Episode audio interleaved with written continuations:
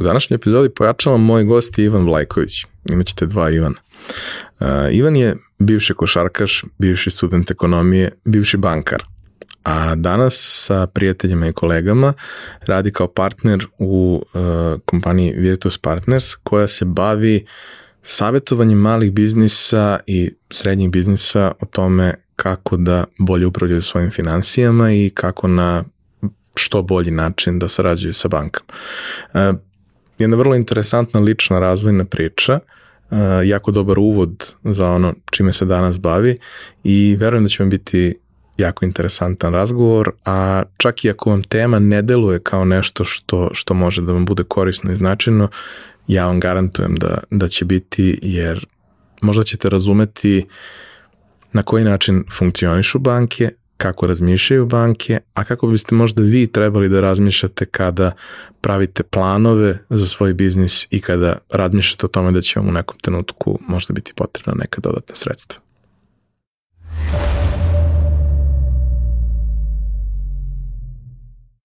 Realizaciju ove epizode podržala je kompanija Epson, koja je vodeći proizvođač projektora i štampača za sve namene, od kućne i kancelarijske upotrebe do profesionalnih uređaja koji se koriste od maloprodaje do industrijske proizvodnje.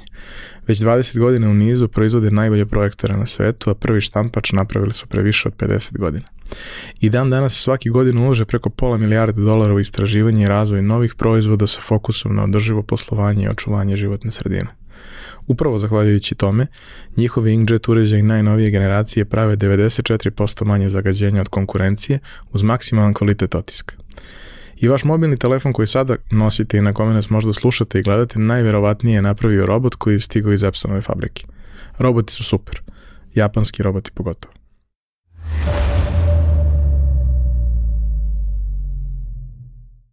Za slučaj da želite da nas podržite vi individualno, uh, možete da posetite link u opisu podcasta na platformi Buy Me a Coffee i tu možete kupiti mesečnu pretplatu ili jednokratno donirati neki jednost koji želite. Hvala vam unapred na tom.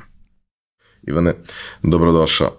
Uh, Glavni motiv da napravimo ovu epizodu je e, tvoj krajnje neobičan e, životni razvojni put ovaj, od sporta i nekih zanimljivih interesovanja do toga da kreneš da se baviš jednom najzgled jako dosadnom stvari, a koju si onda opet uspeo da, da učiniš zanimljivom vremenu. Tako da ti si, kao što ja obično kažem da dosta mojih gosti, ti si jedan od onih ljudi koji voli sebi komplikuje život, što, što je lepo i lepo je slušati te priče. Ali, kao i sve svoje gosti, tebe moram da pitam mančmelo pitanje, a to je šta si teo da budeš kad porasteš? Pa sportista. To mi je bio san kad sam bio klinac. E sad, neko okruženje je bilo tako, znaš. Jer 90-ih sankcije, nema mnogo radosti, ovaj, i onda ono, košarkaši 95-a, ludilo, to slavlje, ta radost u, naciji, meni je to bilo fascinantno. Kao MC uradio nešto za sebe, osvojio si neku medalju, su ljudi toliko srećni. I tad sam prvi put pomislio, kao, što ja ne bi bio sportista, ono, ali baš ono reprezentativni sportista, nije, ne klubski. Jer to ljudi da, baš... ti imaš taj, ti imaš taj vrlo čudan moment, kad smo pričali o tome, rekao si mi to, ne, ne znam za takav slučaj. Ok, navijaš za zvezdu kao i ja, ali ti prvo navijaš za reprezentaciju, pa onda za, za klub, što baš i nije uobičajeno. Za, zašto? Pa da, pa verovatno vezano za taj period. Znaš, kad sam bio klinac, ovo jeste Zvezda Bari 91. ali tad sam bio baš mali. E sad, posle toga dolaze ti reprezentativni uspesi i tad ja jako vezujem za reprezentaciju i generalno moj otac je, ovaj, moj otac je grobar. Neverovatno zvuči. Ali on mi usadio to da mogu da biram. I, ali on je uvijek bio ono, prvo reprezentacija, prvo zemlja, pa onda klub i nekako sam ja to tako ono, doživljavao i zaista i dan danas prvo sam navijač reprezentacije, pa tek onda kluba. I to je tako ostalo ta priča sa sportom, e, prosto mnogo, mnogima od nas dečacima pre svega, sada sve više i devojčicama, hvala Bogu, ovaj, se javi u nekom trenutku odrastanja, ne svima, ne zainteresuje svakog to nekog zainteresuje na nivou gledanja, ali ne na nivou učešća, da li shvate da zbog talenta, zbog bilo čega, uglavnom neko ode tim putem i sad mnogi od nas, da kažem, u tom nekom periodu osnovne škole krenu tim putem, krenu da se bave nekim sportom, onda vide dokle realno mogu da stignu u tome, koliko ih zapravo sve to zanima, jer kao posle tog nekog prvog perioda kad je to sve romantično i simpatično i slatko, onda postane naporno. Onda je pitanje da li hoćeš uopšte to sebi da radiš i, i, ili nećeš. Ali ti si jedan od onih koji nije baš uh, kratko ostao u svemu tome, zapravo bio si vrlo posvećen i pravio si neke rezultate. Kako to izgledalo? Pa da, ja sam ovaj, sportski duh, da kažem, i takmičarski duh sam razvio ono na ulici, pošto sad igrao na ulici. Ovaj, I generalno kako ko osvoji medalju, taj sport se igra. Znači, ono, rukometaš i medalja, igra se rukomet. Odbojka, rašari se mreža, pika se odbojka. Futbal, naravno, uvek. Košarka imali smo ovaj koš na ulici. Mislim, to sad se uči neverovatno, ono, to je na Vračaru, Mačvanska ulica, to, to, sad imate ono, koš, to je ne, nemoguća misija. Ali suština stele priče da se tu ono javlja ljubav i onda kreće ta priča nedeljom derbi Sokolska Mačvanska, to ti ono, derbi dela Madonina, dela Kapitale, pošto je Kalča tad bio romantika, i Sokolska Mačvanska. I generalno to ono nevjerojatna tenzija, nevjerojatan naboj, malo ludilo. I tu sam razvio taj ono takmičarski duh i nisam ja tako mlad počeo da treniram košarku, ovaj, iako sam uvijek više volao futbol, nažalost nisam bio dovoljno talentovan, iako sam igrao dobro, ono, za školske uslove, što se kaže. Ovaj, ja sam tek pri kraju osnovne škole otišao na košarku, iako sam tad aktivno se bavio sportom po ulici, svakakvim sportom, svaki dan. Bukvalno svaki dan. Škola je bila, ono, odeš, završi školu, ureš domaći i sve ostalo igra i sport. Trčali smo štafete, mislim, nevjerojatno, skoku dalje, mislim, svakakve gluposti.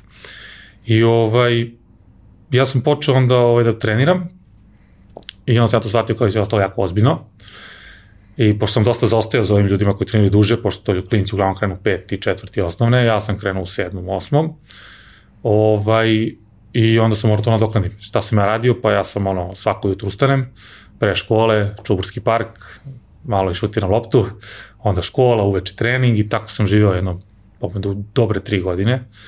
Imao sam i nekih uspeha, ovaj, bio sam u deo ekipe koja je igrala finale kadetskog prvenstva Srbije, mislim ja sam u toj ekipi, to je starija ekipa 85, to ja sam bio manje više vodonoša, onako iskreno govoreći, ali biti deo cele te priče, ono, naš najava, hala, čačak, morava, malo da pljusneš ruke, da te posluži šut i to, cela ta priča je bila prenosi lokalna televizija, mislim, ima haos. Ne, ali taj moment gde, gde ste vi bili 7 dana u karantinu u Guči. Jeste, da, karantin Guča, trenira se u Guči, ide se u Čačak svaki dan na treninge, čak smo zakačili neku lokalnu utakmicu gore, neke trtice voćar, na primer, negde u nekom selu lokalnom, o, ovaj, tako da bilo je super, stvarno nevjerojatno to iskustvo i tad sam prvi put ostio išao me na pripreme i to, ali pripreme su jedna stvar, a karantin je nešto totalno drugačije. Ono. I te, tek tad ti shvatiš u stvari kako izgleda taj profesionalni sport, te ti stalno treniraš dva put dnevno, to pred, pred turnir, da i to streniramo dva put dnevno regularno, ne, ne vezano od moje škole. Znači ti ideš u školu, tad se već išlo po smenama, srednja škola, pa prepodne trening, škola, uveče trening. Ako ideš prepodne u školu, odradiš ujutru sam, pa onda uveče. Tako da, jako se puno treniralo, jako puno odricanja, taj deo života je ono potpuno posvećen bio tome. I, ovaj, I to je guralo dobro, stvarno. Bilo je interesantno, dosta sam brzo napredovao. Što se kaže, u toj ekipi sam bio vodonoš, ali u ekipi koja je bila malo mlađa bio sam kapiten, pa onda, znaš, jedna i druga uloga nemaju veze jedna s drugom, ali su interesantne. Ovaj, ali u nekom trenutku ta ekipa se raspala. Eko bio sjajna, sjajna ekipa je bila stvarno. Ovaj, I tad sam promenio klub, neki drugi klub, malo drugačije pravila igre, tamo su oni više bili rekreativci za moj ukus ovaj, tri puta nedelju su trenirali. I ovo, ja sam pokušao, naravno, ja sam išao dodatne treninge i tako dalje, ali već ti ono u nekom periodu shvatiš malo povrede, malo na sedneš pa kažeš ono realno, znaš, da li ja mogu, da li možeš mi turiš politiku kad skočim ili ne možeš, meni je bilo malo teže. ovaj, kako su ti fizikalije, koliko se povređuješ, kako su ti realni dometi i polako se to, s tom još jednom sezonom koju sam odigrao, gasila se ta volja i išao sam ono racionalno kao, ok, ostaće mi verovatno da učim nešto Ovaj, bio sam dobar učenik uvek, ali nisam imao strah da ću sad kao ako ne budem sportista neću imati šta da radim, ali svakako jako teško to prelomiti. Znači jako je teško kad uložiš toliko vremena da ti kažeš sebi, budeš pošten prema sebi, kažeš ovi ljudi su mnogo talentovani od mene i jednostavno, znaš, nema smisla. A, nije samo stvar u tome ono, da li su oni talentovani i nije čak ni pitanje koliko si ti vremena uložio u to, nego imaš taj moment, ja to istinski volim i to je da, ono da. čime ja želim da se bavim. Sad možda ne mogu da se bavim time objektivno, možda to neće biti dovoljno dobro da ja mogu od toga da živim dobro i tako dalje. Ili makar onako kako bih želeo. Ali, znaš, kao da presečeš, to, to je trenutak kad možda prvi put doneseš neku odraslu odluku. I to je jako zastrašujuća stvar. E, jeste, meni je najviše falio taj osjećaj pred utakmice. Znaš, to je ono, ti sad treniraš cijela nedelje i ok, sad ovoj, ovom timu da sam bio kapiten, ti znaš da si uvek u, u ekipi. Ali u ovoj ekipi da nisam bio kapiten, da sam bio 10 ili 9 igrač, ovaj, ti svaki, svaki petak čekaš da vidiš da li ćeš da budeš na spisku. Da ćeš ti da budeš od tih 12 koji čine roster.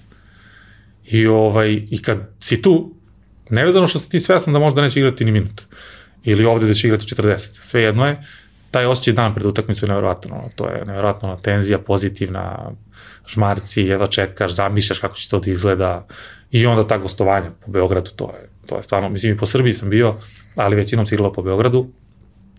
Znaš, ono, odeš u Borč, ono, januar mesec minus na polju, on ima neko polupo prozor na hali, znači unutra se zagrevaš u Šuškavcu i nema tih pet koji je počelo, tih pet mora završi, zato što ne, možeš ono kao oladiš se puđeš.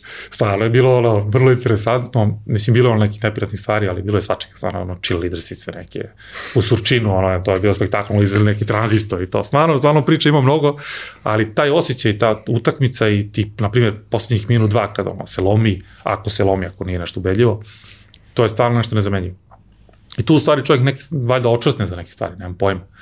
Ovaj, ali stvarno je to nešto što je bilo prelepo i toga mi je bilo najteže se odreknem. Nije mi bilo toliko teško se odreknem vremena kao dva put delo trenira, znaš to, ali je. Ali taj osjećaj na kraju puta, znači, to je neverovatno bilo. Ali u jednom trenutku ti si u ozbiljnom klubu i imaš neku sekundarnu ulogu, ali u, u, u jako dobrom kolektivu, onda prelaziš u manji klub u kome imaš primarnu ulogu. E sad, u prvom slučaju tu postoji uh, naravno imperativ rezultati i neka ozbiljna očekivanja. U drugom, verovatno niko ne želi da izgubi utakmicu, ali ljudi su svesni toga da verovatno nisu u onom najboljem yes. ešalonu klubova. E sad, uh, kako ti kao neko ko je ekstremno kompetitivan, pomiriš se sa tim ili se ne pomiriš? Ili ne kako? pomiriš se. ovaj, ja sam od onih tipova koji uh, više mrze da gube nego što vole da pobeđuju. To je jako loša osobina generalno, život. Ne bih rekao da je loša, okay. ali okej. Okay. Ali pokušavam da napredujem u tom smislu. Ovaj, jer jako teško podnosim poraz. I sad kad sam ja prešao taj drugi klub, ovaj, nije tamo bila toliko loša ekipa, bilo je tu kvalitetnih pomaka, ali nekako su, nije im falilo motiva možda malo. I sad, prvi meč, sećam se, mi igramo protiv jako dobre ekipe, I, ovaj, I oni tamo, mi smo se držali no 35-6 minuta u egalu. Posljednja ti 4 minuta su oni nas razmontirali na 15-20 razlike. Ja ulazim u slačionicu, oni svi nešto sve, srećni, zadovoljni. Ja hoću da umrem. Kad vidiš šta je s vama, jeste normalni, razumeš? Oni kao, pa znaš, kao bili smo dobri, kao roditelji, kao pa izdržali smo 35-6 minuta, kao s njima, znaš. Ja kažem, ljudi, znači mi smo došli da pobedimo, bre. Tu izdržali smo 35 minuta, čemu pričamo i... Ove, ali jednostavno, znaš, to je ono, naviknu se tako, ali tokom te sezone se dosta stvari izmenjalo, pa smo na kraju te sezone imali čak i šansu da idemo dalje što je bio nevjerojatan uspeh ući u tu neku super ligu Beograda koja je ono broj 10 najelitnijih klubova u gradu, to je stvarno jedna kvalitetna liga. Mislim, to je tek stanica za ovaj finalni turnir Srbije, ali dovoljno je kvalitetno da kad si tu da budeš jako zadovoljan svojim ono. Ne, ja se sećam u tom periodu, ja sam godinu dana stariji od tebe, ali ja se sećam u tom periodu ovaj, i mi smo igrali uglavnom sa školom, ali povremeno sam ja igrao za neke klubove kad su im falili ovaj, igrači na, na, na poziciji četvorke, za koje ja realno nisam imao visinu, da. ali, ali sam imao sve ostalo i nikad neću da zaboravim taj moment, kao ok, igraš protiv svih, sve to, ništa nije sporno, sve, može da se igra protiv svakog i onda dođe Beo Vuk i kao... Ba da. kao, on, mi imamo, ne znam, 15 godina, oni izgledaju kod imaju 19 svi.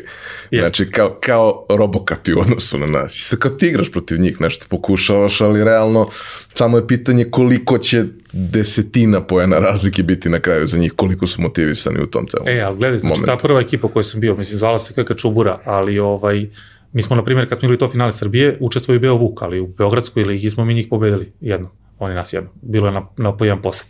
Znači, to je ta To je taj nivo bio košarke. Ovaj, primjer, jedan partizan sa, ne znam, sa mačijskim ekipom nije prošao. Da, da. Jako neka ozbiljna priča.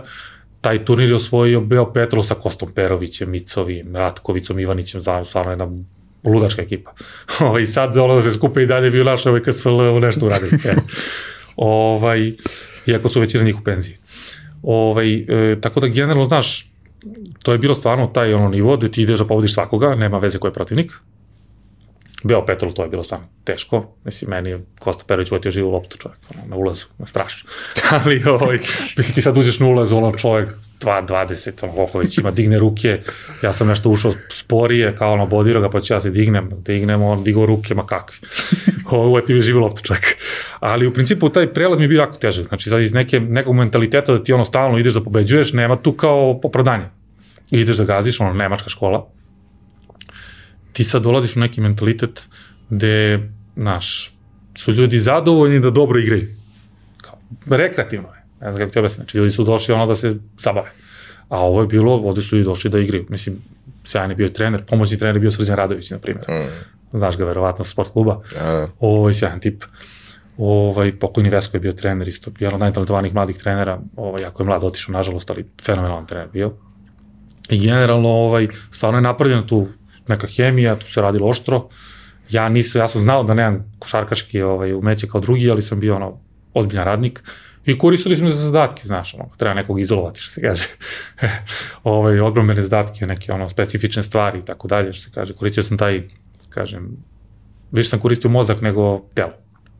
I onda ima i to neku svoju ulogu u košarci pogotovo jer je jako dinamična 5 na 5, mnogo je tu nekih rotacija i tako dalje. Tako da, tako su me koristili u tom prvom klubu, u ovom drugom klubu smo bili ono, bio sam po najbolji igrač, da ne kažem najbolji, ovaj, taj drugi klub je stvarno bio blizu da uđe u Superligu. I, ali ja sam već ono, pred taj finiš sezone raskrstio otprilike u glavi da ja više nemam šta da tražim. Ovaj, nije bilo ni nekih ozbiljnih ponuda, sad nije kao neko me zvao, pa kao ja sam odbio, ne, nije to, budemo iskreni, ali da, sam volio pobeđen. Ovaj, možda je interesantna ta priča kako sam završio karijeru. Ovaj, karijeru sam završio, utakmica je bila uzvratna, što bi se reklo, sa ovima što su nas u prvom kolu ovaj, un, unazadili sa 15 razlike, ili 20, ne se tačno, i oni su bili jako kvalitetni, Ava Lada se klub. Ovaj, u mlađim kategorijama su jako bili kvalitetni i ovaj, na taj revanš, oni su među vremenu imali su neki kolaps u ekipi, neki virus ih je pokosio, oni su izgubili neku utakmicu, tamo na Ceraku ili tako negde, nije ni bitno. I došli su sa to poslednja tekma, a ko pobedi prolazi. I sad ona tenzija, igra, ludilo, egal, totalni treća četvrtina. Sad ti vidiš da malo sudije rade neke onako, ne baš fair stvari. I naravno ja imam tu neku ono, crtu pravičnosti, naravno imao sam šta da kažem, naravno dobio sam tehničku, trener me povukao na klupu, kao šta ti ja kažem, pa vidiš šta se dešava, ono, očigledno je, nije ono kao ničija lopta, nego ono, za zatvora nije faul. I on kao, ma ništa, kao sediti malo odmori, ja ovaj, pokojni Reba Ćorković je bio vlasnik kluba, ljudi ga znaju koji je iz košarskog sveta, jako poznat lik. I ovaj, ja ulazim kod njega, kažem, čika Reba, hoćete da izađete, ono, čisto da ono, se pojavite, ipak ste vi autoritet. On kao, ma pusti si, kao, ono, koga briga. I to je trenutak kad ja, ono, ok, ovo je kraj. Znači, već sam bio naštimo za kraj i još ovo, Znači, ovo je kraj, ulazim, sad bilo je zanimljivo što su bile dve gumene lopte, ove dve gumene, dve kožne lopte u, u sali, jedna je bila moja lično, jedna od mog prijatelja koji sam ja donosio. Ništa, ja sam ušetao u teren, u sred utakmice, utakmice su preknuli, ja sam uzeo jednu, drugu kožnu, oni su nastavili s gumenom, ja sam izašao i više nikad nisam igrao košarku. To je to. Tako sam završio karijera. Neslavno, što se kaže, ali bilo je to lepo, ono, lep put i do tog trenutka je sport bio sve, zaista škola je ok, uvijek sam bio vrđak, ali nije bilo ono prioritet, ali to je ono druga godina srednje škole, ja sam tad prekinuo sa profesionalnim ili željom da budem profesionalni sportista. Osam sportista do dana danas rekreativni treniram, ali i ne mogu bez sporta živim. Ovaj, ali generalno to je trenutak kad sam ono, presek koji nikad više nisam imao ono, da možeš se vratiš, ne, nema tu, nema već. Uvek kada se desi takva stvar, desila se i meni, desila se nekolicini gostiju koje su bili da ti imaš nešto što te vuče, što ti je fokus tokom celog odrastanja, nešto što zaista voliš. I onda ti je to na neki način oduzeto, iz bilo kog razloga, ili povrede, ili jednostavno shvatiš da to više nije, nije to, to, ili šta god. Ali tad u, u, u nekim izuzetno osetljivim godinama ti treba da nađeš neko drugo rešenje za smisao u svom životu, što nije baš ovaj, jednostavna, jednostavna stvar. Kako je to u tvom slučaju izgledalo? Pa nije prijatno, znaš, ja sam jednog, pa sigurno godinu dana bio škola i ozbiljna blejač. Znači, nisam nešto mnogo se aktivirao. Ovaj, ali, ono, splet nekih okolnosti, tad je ovaj, postalo popularno to, ono, đački parlamenti su tek počeli se uvode u škole. I, ovaj, pod jednom, početak treće godine, ovaj, stiže, stiže neki proglas, kako god, da svako odeljenje treba da pošalje po jednog člana za đački parlament, ili dva člana, da, dva člana, 64 dva člana za đački parlament, mene su izabrali, ovo moje odeljenje, ovaj, ja dolazim tamo, tamo neki ljudi znali, kao, ajde, bila je neka devojka četvrta godina, ja sam bio treća, oni kao, ajde, ti budeš predsednik tog đačkog parlamenta, tako sam ja postao prvi podpredsednika, posle i drugi predsednik đačkog parlamenta, ovaj, 14. Beogradske gimnazije. I u stvari, tu sam ušao u neki totalno novi svet, ono, nisam ni očekivao, ni znao šta me čeka, ali su počele karte onako baš da se otvaraju. I ovaj, ubrzo je usledio jedan poziv koji je zaista dosta uticao na mene životno, a to je Unija školaca Srbije koja je tad isto bila u nastajanju, ovaj, je organizovala kao jedan skup svih e, predstavnika parlamenta svih gimnazija u tom trenutku, nisu još bile srednje škole.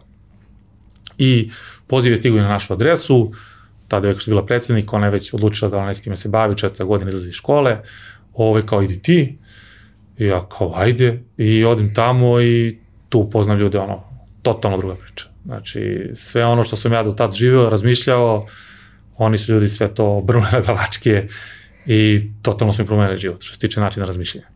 Jer sve što sam ja radio, bilo je ono neki utaban put, reaktivno, nije proaktivno.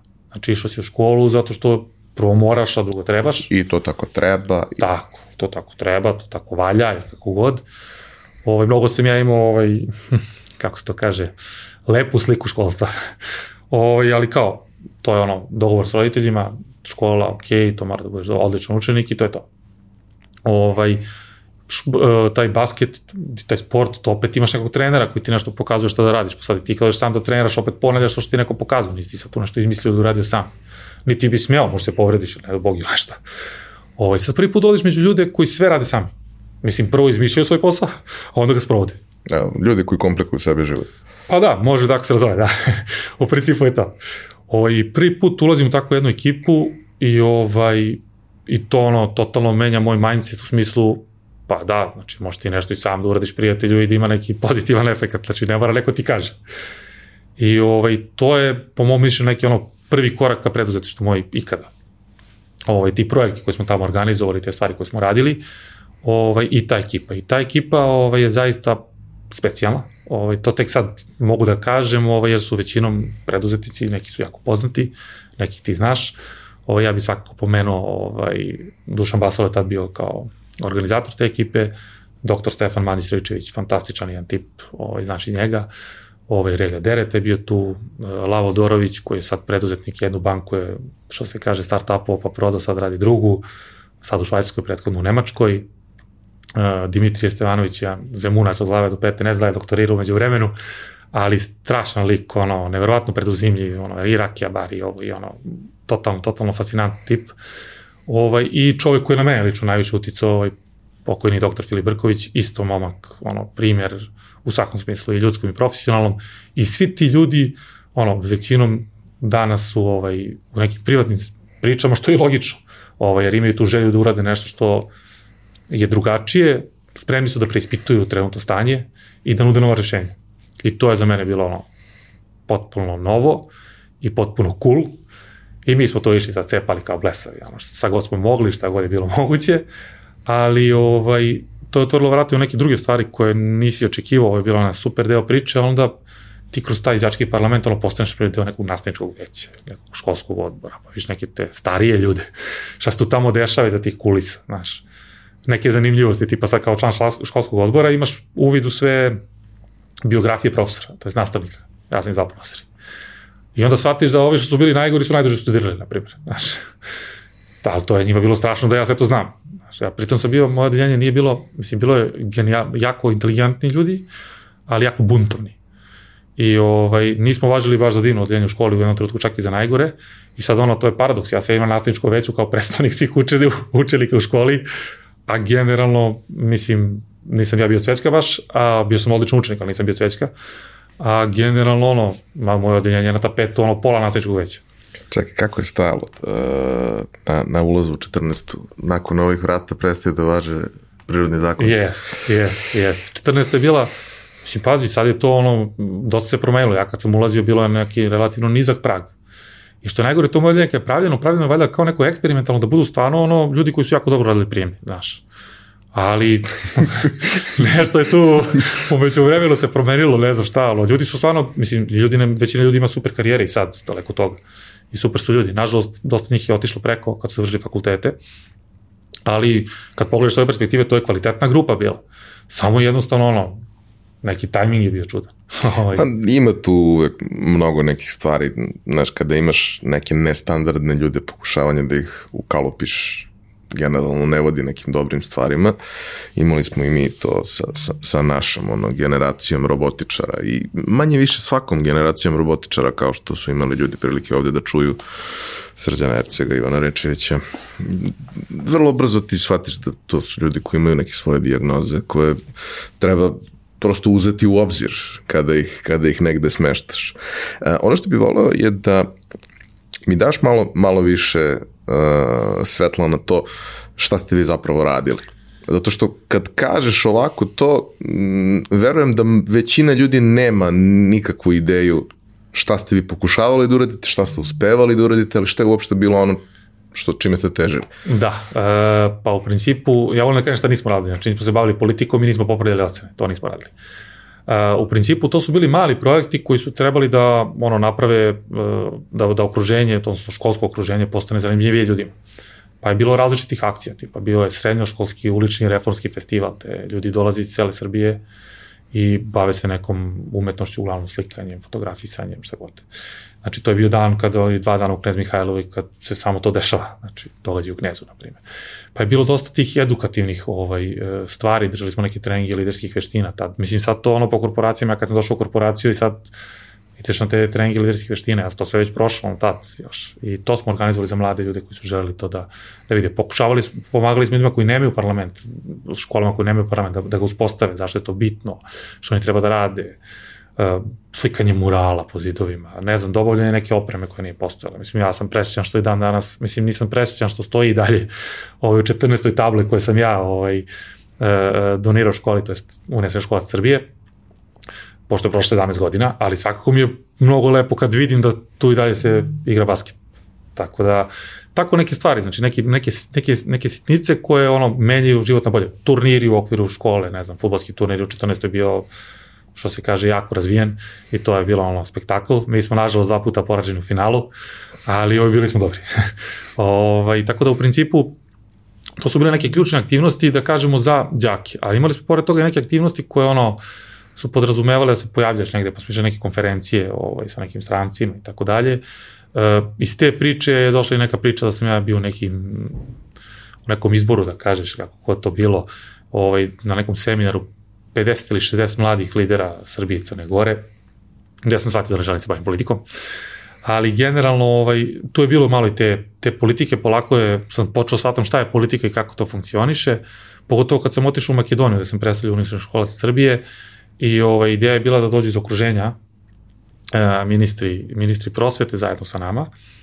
Ovaj, neki su došli, naš naravno nije. Ovaj, dolazi, došli su neki ljudi iz e, zapadne Evrope i tako da jako ozbiljno tamo je prijem bio zvane ministra prosvete i tako dalje, ali se pojavio ministar prosvete Kosova u tom trenutku. To je, znaš, ono, vrlo neprijatna situacija. Ja do tada ono, nisam nešto mogu ni putovao, relativno smo bili Meni je to bio šok, ono, prvo, taj, to putovanje u Makedoniji, mislim da ono, i pre toga sam, ne, pre toga nikad nisam izašao van, ono, Bosne, odakle mi je, to je srpski, odakle mi je majka i Srbije, i Crne Gore, to je to bilo. I ovaj, tad sam prvi put otišao dole, izašao van Srbije i ono kao ministar Kosovica, ti imaš neki tamo protokol po kome mora se ponašaš, znači ti pričaš šta hoćeš tamo, razumeš. Ovaj, gde onako on kaže Kosovo ti ustaješ, napuštaš i mislim, sve isto što se dešava i danas, ovaj, samo pre 17 godina. 2004. na primjer, decembar mesec, ako se dobro sećam. Lepo što se ništa nije promenilo. Da, pa, u principu, da.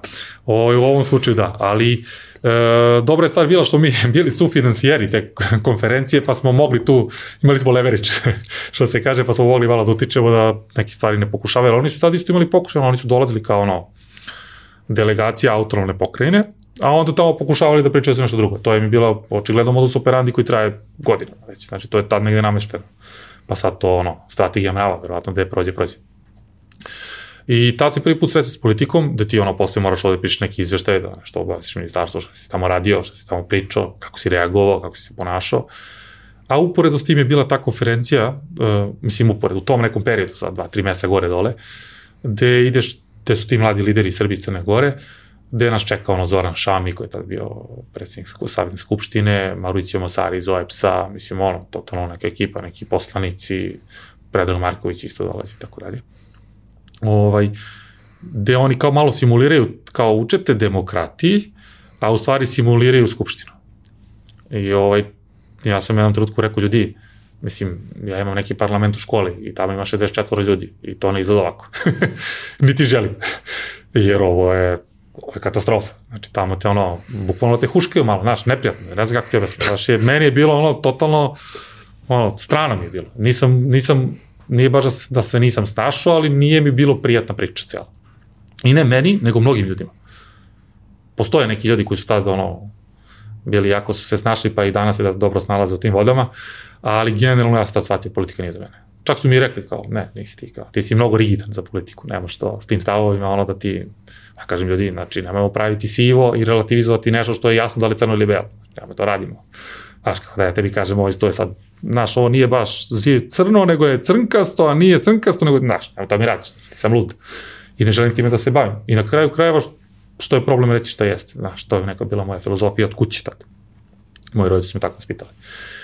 I tad sam ono, shvatio ono, ok, aktivizam, ok, nešto da uradiš da pokreneš, ok, nešto da ima dobro za, i za neke druge, ok, to je sve bilo nelukrativno, znači cela ta organizacija je bila neprofitna i to je ono bilo super, ali po ovo nešto kao vrbovanje, mislim, bilo je posle poziva kao da uđeš neke političke omladine i to, to mene nije interesovalo. I uopšte celu tu ekipu moju, s kojom sam bio tu, većinu nije interesovala ta priča. Neki su i otišli u politiku, ali baš manjina većina je izabrala ovaj put sličan meni, znači ono, profesionalno usavršavanje, neka svoja ideja, neki pokušaj, greška naravno, kako god, ali taj neki put, put znanja i put, put rada.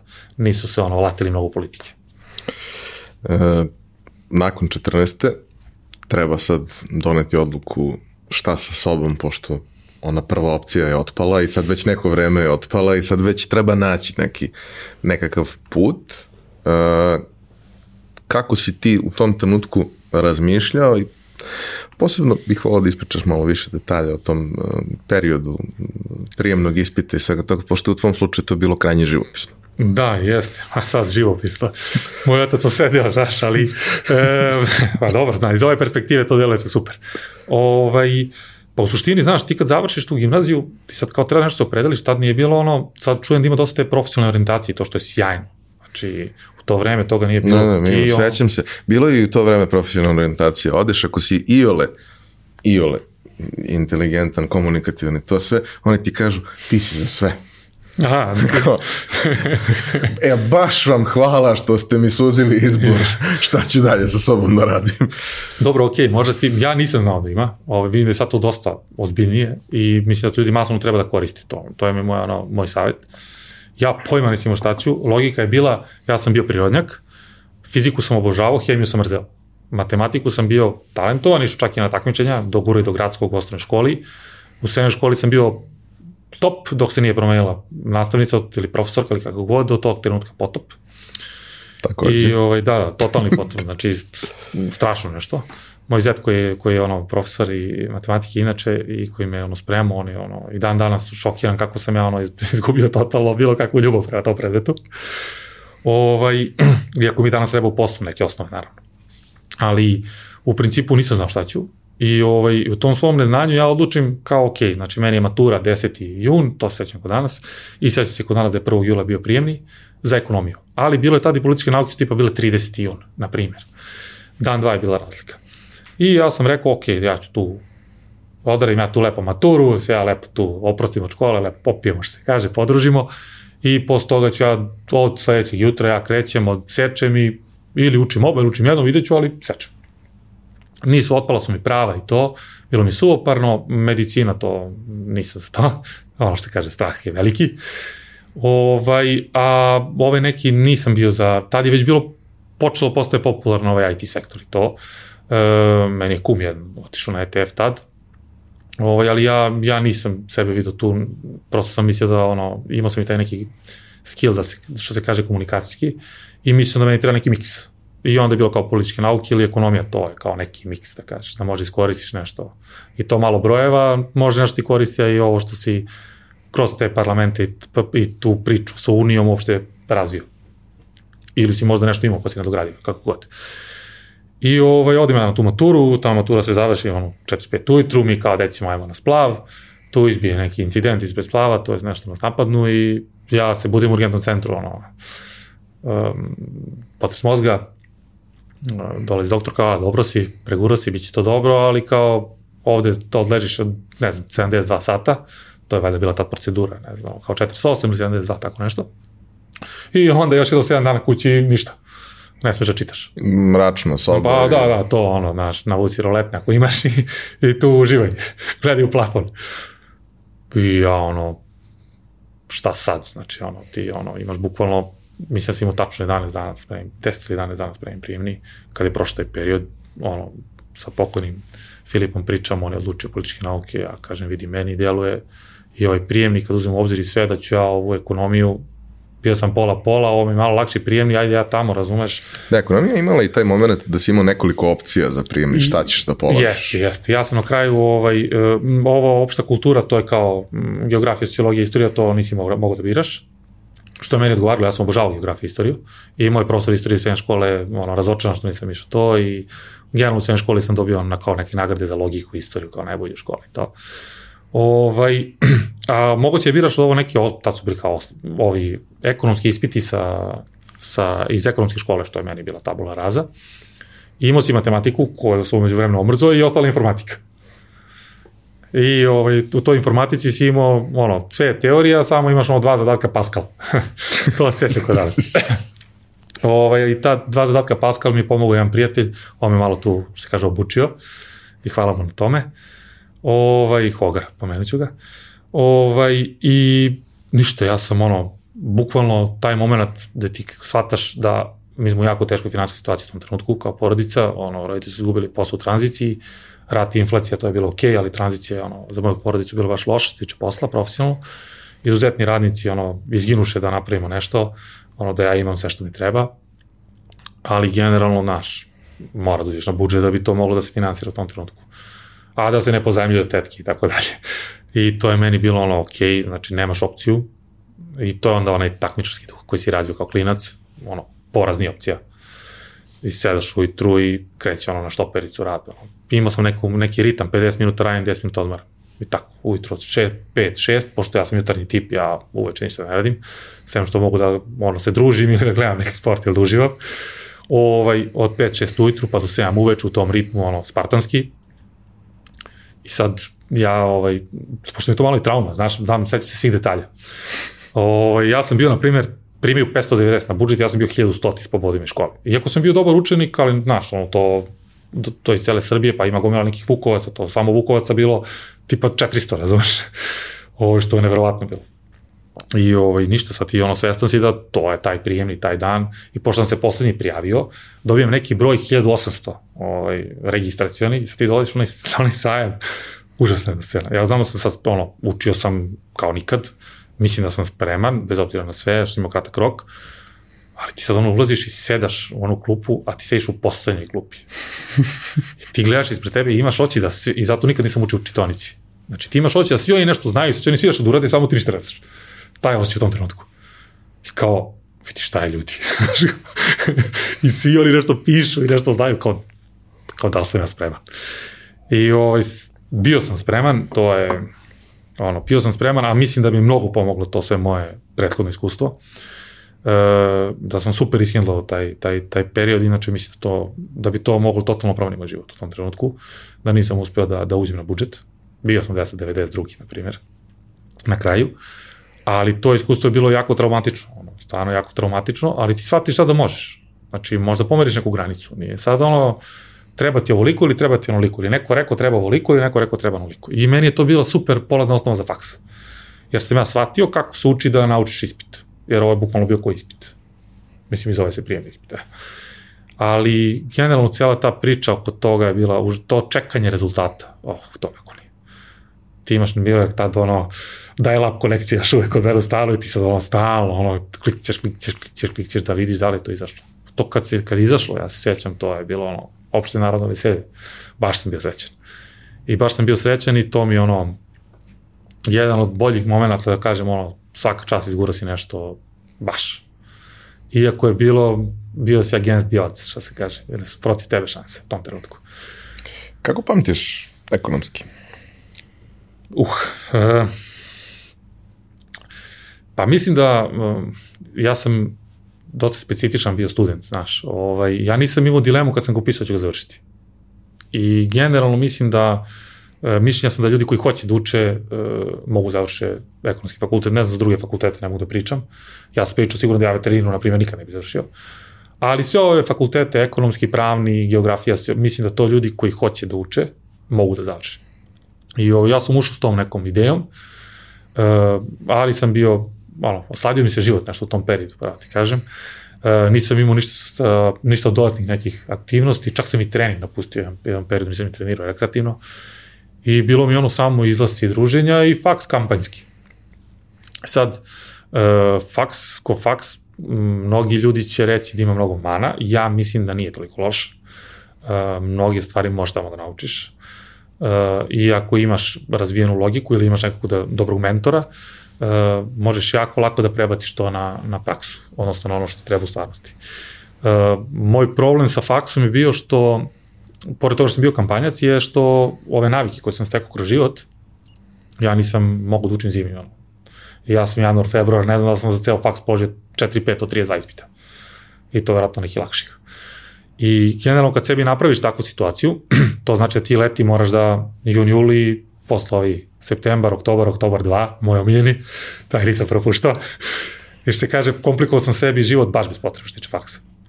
Dva puta sam završavao u oktobru 2, znači bez ikakve potrebe ono, životne. Ok, prolazio sam ja u sledećoj godini, nikad nisam padao i to. Uvijek sam dao uslove, bio sam dobar student, ali meni je cilj na faksu bio ono, pošto sam koristio studentski kredit, da završim u tom roku koji je zacrtan i da imam 8,5 prosek da ne bi vraćao pare. To je bio moj cilj, ja sam moj cilj ostvario ali generalno kad pogledam iz ove perspektive mislim da sam dosta grešio, jer je bilo dosta šansi e, kroz neko dodatno ulaganje vremena i možda malo više učenja i malo više pre svega pojavljivanja na tim uh, vežbama. Ja sam bio poslednja ne Bolonja i onda nisam morao baš da idem tamo se upisujem svaki put. Ali bi, bi, bi bilo mnogo pametnije da jesam, mislim iz ove perspektive. Jer ja se pojavim na ispitu i sad, znaš, na ispitu ti kad znaš za 10, često si dobio naravno, ne bi mogu da imaš taj prosek, ali bilo je profesora koji jednostavno ok, znaš, ti stvarno znaš sve, ali, znaš, ti nisi se pojavljivo, nisi ništa radio, ono, ok, da dobiš i devet. S nekima sam ja imao šta da im kažem, ali, znaš, nije to baš za pohvalu. Ovaj, ali druga stvar, ono što je mene na faksu fascin, ono, šokiralo negativno, ja sam iz te neke srednjoškolske priče došao pun entuzijazma i sad kao tamo radiš aktivizam, dešava se nešto ludilo i želiš i na faksu nešto da radiš. Želiš da promeniš nešto. Želiš da budeš deo te ekipe. I odlazim ja sad, tamo je bilo tri neke organizacije, na primjer, i đački parlament. I ja sam sa prvom, kad sam završio razgovor, više nikad se nisam ni za jedno interesovao. A razgovor otprilike bio, ja sam došao i rekao, ljudi, evo, ja sam time bavio. Mislim, by the way, ti iz ove priče univerzitne škola se ti upoznaš i ono iz studentskih unija sve ove na nivou države, ali ja sam računao šta, kakve to veze ima, ja dolazim na moj fakultet, pričam s ljudima koji su tu, šta ja imam sad neko pitan gore.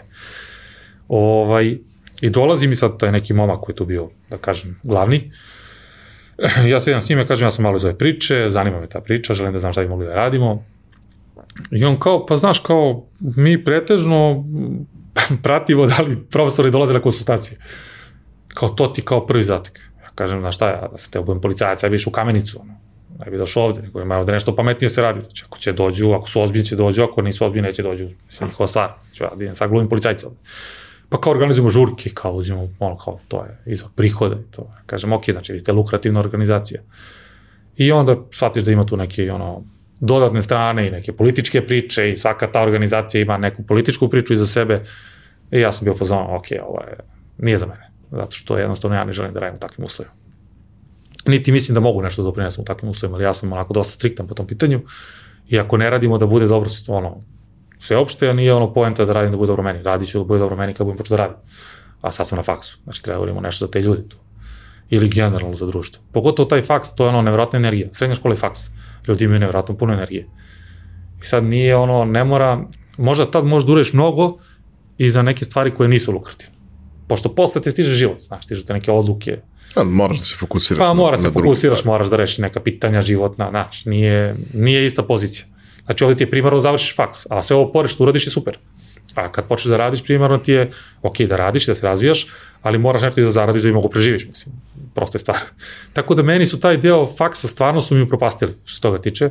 I naravno, ono, ja nisam našao neku adekvatnu zamenu, izuzev, ono, kafane, druženja, uh, mislim i to druženje naravno mi mnogo značilo što ja imam stvarno sreću da se družim sa jako kvalitetnim ljudima, koji su jako pozitivno ucili mene. I generalno ljudi, znaš, neko uči iz knjiga, neko uči, ne znam, ovako ili onako, ja učim od ljudi i meni, meni su ljudi inspiracija. I uglavnom, mnogi ljudi mogu biti inspiracija, zbog različitih životnih priča, to ti najbolje znaš da vodiš ih ovde, ali u principu ljudi to ne žele da vide. meni ne znam zašto, nekad. Ovaj, ali ja, meni ti ljudi ono stvarno znači da me, da me poguraju i eto, ti ljudi su bili tad tu, da ja ne odem možda u neku ono, ne u dekadenciju, ne bi se to desilo nikad, jer sam uvijek znao svoj put, ono, otprilike, ali, ali da ono, ne bude ono, da se ne razvuče taj faks previše. Malo se razvuko, kad sam dao uslug za četvrtu, malo sam ja sebi dao više oduška, duše ja sam i radio ceo faks, nije isto. Ovaj, e, pa jedno skoro godinu dana nisam izašao ni jedan ispit. Znaš, sam ja sebi rešio da ja malo sebi odmorim, odmora dam, da ja uživam. I zove me kum, ovaj, koji ono tad već završava, upisuje master, ono, dečko, ono, desetka. I kaže, bog me, kume, kako si krenuo, teška priča da si da završiš. I opet ono, vraćamo se nazad, takmičarski duh i to, i ja za 10 ili 9 meseci dam ovaj, tih 12 ispita od kojih su tu svi najteži na fakultetu koji postoje i diplomski. I naravno, morao sam malo da potera zbog ovog roka za, za studentski kredit. Tako da, taj neki moment njegov i taj neki moment roka, to me ono poguralo i ja sam taj fakt završio mislim, super iskustvo stvarno, ali tad mi se ono, što se tiče školstva, kad sam završio faks, tad mi se ono srušila karata totalno. Znači, ja sam stvarno mislio da to ono, kad ti završiš faks, ti si već neki gospodin čovjek, što se kaže. Jer kao, završio si faks, bio si dobar student, a dobar si, mislim, ono, veruješ da si dobar momak i vredan si, nisi lenj. Ovaj, sad ti misliš ono, neko će tebe da traži sad, kao, znaš, neće to su bile neke nevjerojatne zablude što se tiče faksa i završetka faksa i znanja koje tamo stekneš. Pitaću te više o tome, uh, ali je prvo da napravimo intro za taj deo priče, a intro je ok, uh, to je prvi trenutak kada ti tražiš ozbiljan posao, ali kao što si sam rekao i zbog situacije porodično i zbog nekih svojih ličnih yes. prohteva i svega ostalog, ti si već neko duže vreme radio. Ovaj, šta, šta si prvo krenuo da radiš i kako su se te stvari odvijale do trenutka dok nisi krenuo da tražiš ozbiljan posao? Da, e, pa prvo sam imao one poslove van off, što se kaže, ono, jednom odradiš nešto, uglavnom neka lagana fizikalija, neko deljenje letaka i to, ali jedan posao koji mi ono ostao baš urezan, kad sam mislio da ću ispadnem baš pametan, Zvezda Bayern u Beogradu. Ove, ovaj, Zvezda Bayern u Beogradu, e, neki drugar ima vezu ili kombinaciju ili šta god, da se prodaju oni grickalice na, na zapadnoj tribini, sokovi, bezalkoholno pivo i tako dalje. I ovaj, ništa, ja pitam po, koliko se to plaća, pošto naravno nisi imao nešto bila kriza, pa sad nemaš pare za kartu, skupa karta bila. Ovaj, rekao, sad ću ja taman to uzmem, radim, odlam tekmu, nešto i zaradim, a priča bombona. I on komo, hiljadu i po ti je fiksno, pa sad ovo što dobi bakšiš, ekipa podeli sa tog šanka i bit će tu uvijek nešto preko. Nekad bude 300, 400, 500 dinara, nebitno pa od onog 1000 i po 2 dinara nije malo, studentski kredit 5-6 hiljada bio. Znači to je ono ozbiljna cifra za mene. I ovaj, to je baš bio početak faksa, dve, mislim, druga godina, na primjer, 2006-2007 tamo. I ovaj, ništa, dolazim sad u meni kao utakmice u 8, na primjer. Ne znam stačno, bio neki terminal 15 do 8, na primjer. I, ovaj, I on meni kao, pa da, kao kupljenje u 5 sati. Ja kao u 5 sati, kako bre, 5, u 5 sati, ja sam računao 2 sata dođem odradim dok je utakmica idem kući. A nisam znao, ono, dođeš u 5, pa popis, pa šta tu ima, pa šta ste stavili, pa ko će šta da radi. I sad ko će šta da radi, kreće prijavljivanje, ja naravno, ono, mu ja na tribinu odmah. Idem ja, prodajem grickalice, nije problem, nosi se ona, to je kao neka korpa, ono, koja je puna tih grickalica. Ovaj, i rekao, idem ja na tribinu, gledam utakmicu, to vidim, ja viš to rade peti, šesti put, ono, nešto se ne bune previše. Oni će kao u šanku, znaš. Ja kao, ha, vidi ih, veverice, znaš, kao došli ovde, neće utakmicu da vide samo će čuju huk, znaš, šta to rade. Možda, možda ne vole futbol. Ma kakvi vole futbol. Znači, pa rekao, ne, ne, ja sam upravo. I kreće ta utakmica. Ja sam išao na zapad pre toga, ali neke manje utakmice, naravno. I sam imao da sad to nešto kupuje. Ovo utakmica, ono, pune tribine. A to je haos. to ljudi uzivaju ko blesari. ti, ti bukvalno dođeš, ideš na tribinu, ovaj, ovaj, ovaj, ovaj. Ti samo ideš, podeliš, vidiš prazno i moraš da napuniš toj utakmici, ono, sećaš se, tad se Toni Kroos ovaj, pojavio na sceni, ovaj, mi ga pamtimo po zlu, ali strašan igrač. ovaj, pet golova je bilo, ja nisam vidio nijedan. Ali ne da li sam vidio, nego nisam bio ni blizu da vidim.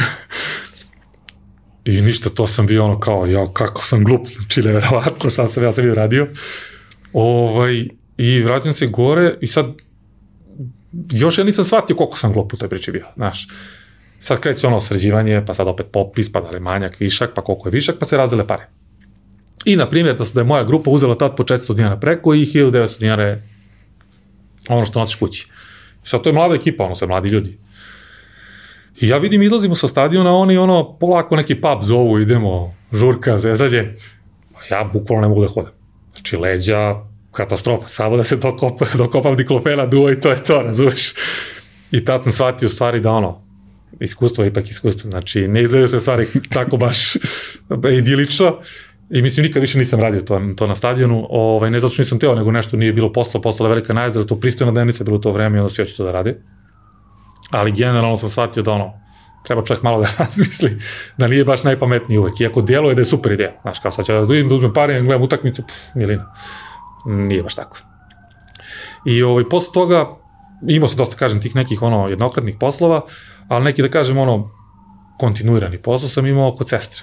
Sestre tetke, ovaj, koji mi, ono, ne odvajam ih od rođene slađe i ceca, ovaj, slađe, ovaj, tad imala knjigovodstvenu agenciju, mislim još uvek, um, bila je trudna, trebala je pomoć da se radi taj teren. Sad to je ono, još nije stigla digitalizacija ni, nigde, ono.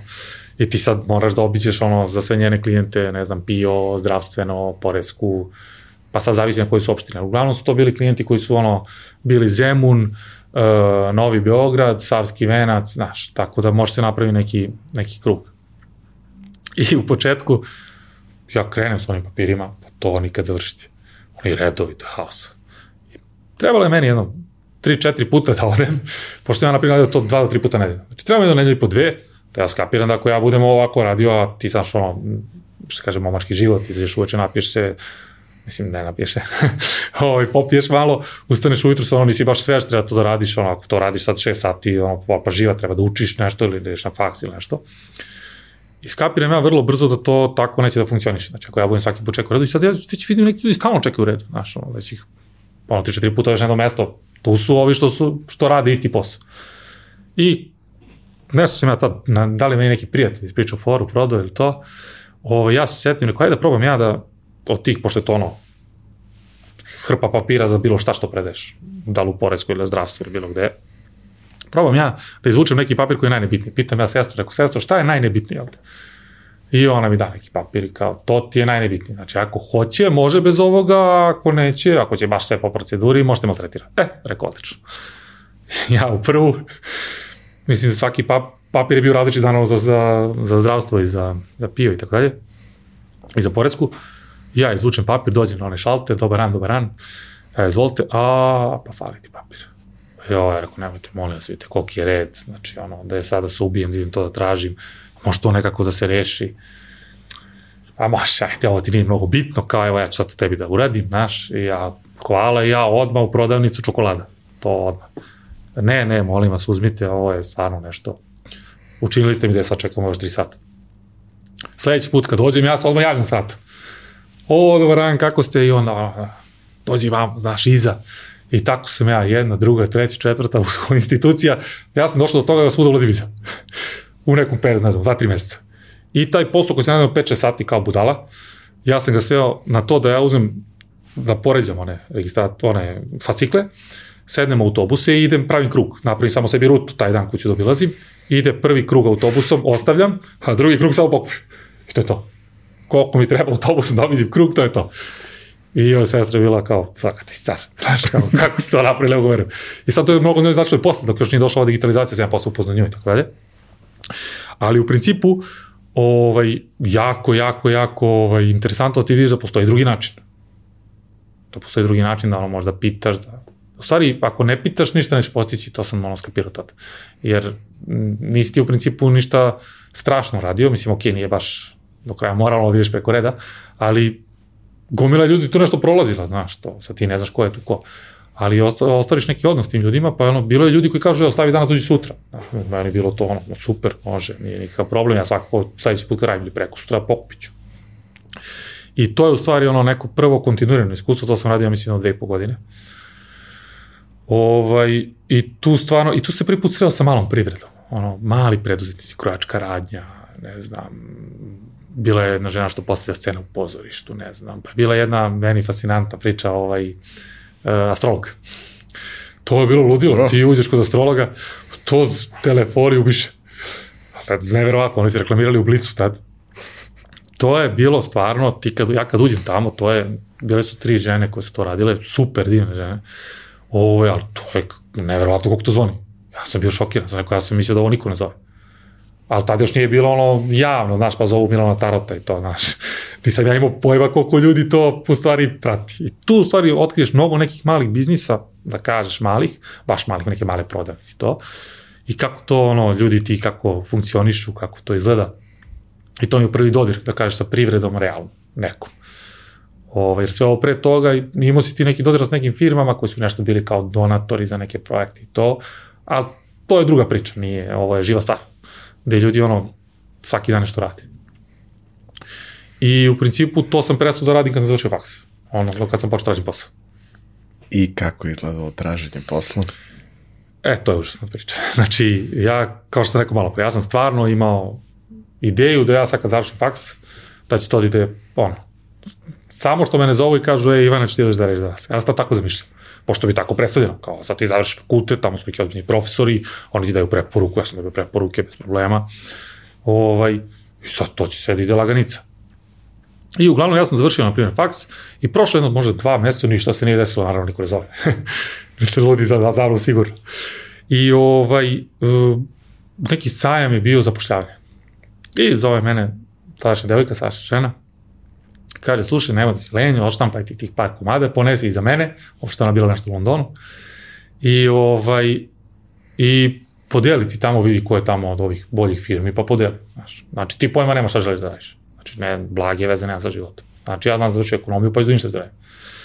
I ovaj, i sad ti dolaziš tamo, nosiš one papire, ono, kao neka, oni štandovi ko pijaca, ti ono postaviš, pa da oni vide da li će da te zovu da se ti ono kao ok da te oni zovu, pa da te malo istestiraju za astronauta, jedno šest krugova, pa onda, ali ako te prvo zovnu za testiranje. I meni je to bilo užas. Znači kao sad, meni je bilo ono, ba ja ću sad zarađu neke pare. I da shvatim da je početa plata 250 do 350 eura u tom trenutku. I ovaj, i ništa, ja sam krenuo tu, ali moj prvi razgovor za posao je bio ovaj, u Ratelu. Ovo je vrlo interesantna priča, tamo me ovaj profesor neki poslao. Isto ono dokumentaciju dok skupite za njih, to je katastrofa, ono, od, od kad ste rođeni pa do danas, sve. E, I ovaj, ništa, ja pošaljem tu dokumentaciju, oni me pozovu i ja su dolazim tamo na intervju i sad vidim ja brzo ljudi ulaze, generalno nisu dugi intervjui tamo, to 5, 6, 10 minuta. Ulazim ja, a ono sto, kao one za svadbu, ogroman dugačak, sedi njih jedno 10 I sad stolica, na primjer, tu u sredini, sad ti pričaš s tim čovjekom koji je glavni. I naravno, ti otvara CV, u CV-u nema ništa. Misliš, šta, završio si faks i ima ovaj aktivizam moj, univerzitni školac Srbije to. I šta će on čovjek odmah to prvo pitanje? Kao, Ivane, kao, ova Unija srednjoškolaca Srbije, kao možda mi objasniš kao šta ste tamo radili. I sad ja poučen iskustvom i kao što ste malo pre rekao, ja uvek kažem prvo šta nismo radili. Ako mogu ja vama prvo kažem šta nismo radili, pa šta smo radili. I on kaže, možeš. Ja kažem, nismo se bavili popravljanjem ocena i nismo se bavili politikom. I on čovek, onako, malo mi se naruga, što se kaže, i kao, pa kao šta ste radili, ali onako vrlo, ton je bio jako iritantan, mimika cijela i tako dalje. Sad ja kao neko ko nije baš trpeo takve stvari, sam morao da odgovorim sa, ne biste vi to razumeli. I naravno intervju je se završio tako što je rekao, hvala vam, izađite napolje. Ja sam rekao, hvala vam i izašao napolje. I to je bio moj prvi intervju u životu. Ovaj, za neki ozbiljan posao. Znači, mislim da je tajao cirka 30 ili 40 sekundi, nije duže. Jako, jako kratko. Sadržaj. Efikas. Sadržaj. Znači, se kaže, brzo, brzo su me predstavili to. E. I, ovaj, I onda kreće ovi procesi ovim firmama koje su me zvali, odnosno, prvo sam se, ovaj, prvo sam išao na testiranje jednu revizorsku kuću, jedna od Big Four, ovaj, i onda sam išao u banku koju sam posle završio, to je bila ta Folks, I ovaj, svi ti krugovi su ono neverovatni, znači vas tamo stvarno testiraju kao da ćete vi sad ne znam šta da uradite, znači test znanja, test logike, psihotest, grupna diskusija, test engleskog, mislim, nemam pojma, ono stvarno, znaš, malo je ono previše. Šta ću ja sada da radim posle ovoga? I onda dobijete ugovor i vidite šta ćete da radite. Znači, radit ćete za 350 eura i to je to. Odnosno, ovi revizori, oni su imali drugu foru tad. Kao plata ti je početna, primili su me i revizori, ta Big Four kuća i primila me banka. Ali prvo su ovi revizori. Možda je razmak bio tipa 15-20 dana, mesec dana sad. I ovaj, oni ti daju ugovor i kao, tipa plata ti je 400 evra, ali kurs je u tom trenutku lupam 110 ili 112, a oni ga računaju 102. Ah, u čemu je fora, mislim, lepo mi reci u dinarima koliko je, ako te ono, šta kao 400 eura, ali je 400 eura. I, ovaj, I ja sam, u stvari, moj prvi posao, da kažem, prva prihvaćena moja ponuda je bila ta revizorska kuća, I oni su rešili da nas sve koji smo tad prihvatili to, iz tog, da kažem, iz te grupe, a bilo nas je dosta, bogom 15-20, da povedu, da povedu na team building koji su organizovali u tom periodu. I baš pred taj team building, ovaj, mene su zvali iz Folksa i rekli da sam i tamo primljen. Bukvalno je bio dan, dva pre nego smo krenuli. Ali ništa, team building organizovan, idem ja, pa ću ja da procenim gde ću da idem, da ću da idem u banku ili revizorsku kuću. Znači, obe su reputabilne, obe, kad pričaš ljudima, ono, svi ti kažu ovim iskusnim, i jedan i drugi put je okej, okay, neću pogrešiti, neću biti gladan i tako dalje. Ali ja prvi put ulazim u korporativni svet, ne znam ništa o tome. Znači, bukvalno ništa sem ono reklame na televiziji. Ništa, mi dolazimo tamo, ono, hotel 5 zvezda, bazen uveče, bend, malo udilo, team building organizovan, bruka, ono, neke igre, skakanje u džakovima, ja pobedio, moja ekipa, pobednik kao svih tih igara na kraju, navlačenje konopsano grupno, ono. Mi imamo dve devojke, ovim je osam muškaraca, ali mi ih pobedimo. To je ludilo, znači, organizacija je stvarno top, ne mogu reći da kažem. Ali to jutro, znači ti si došao, ne znam, u subotu, tu si vam se igrao, pa si uveče žurka, pa u nedelju si kao nastavlja to, opet neke igre.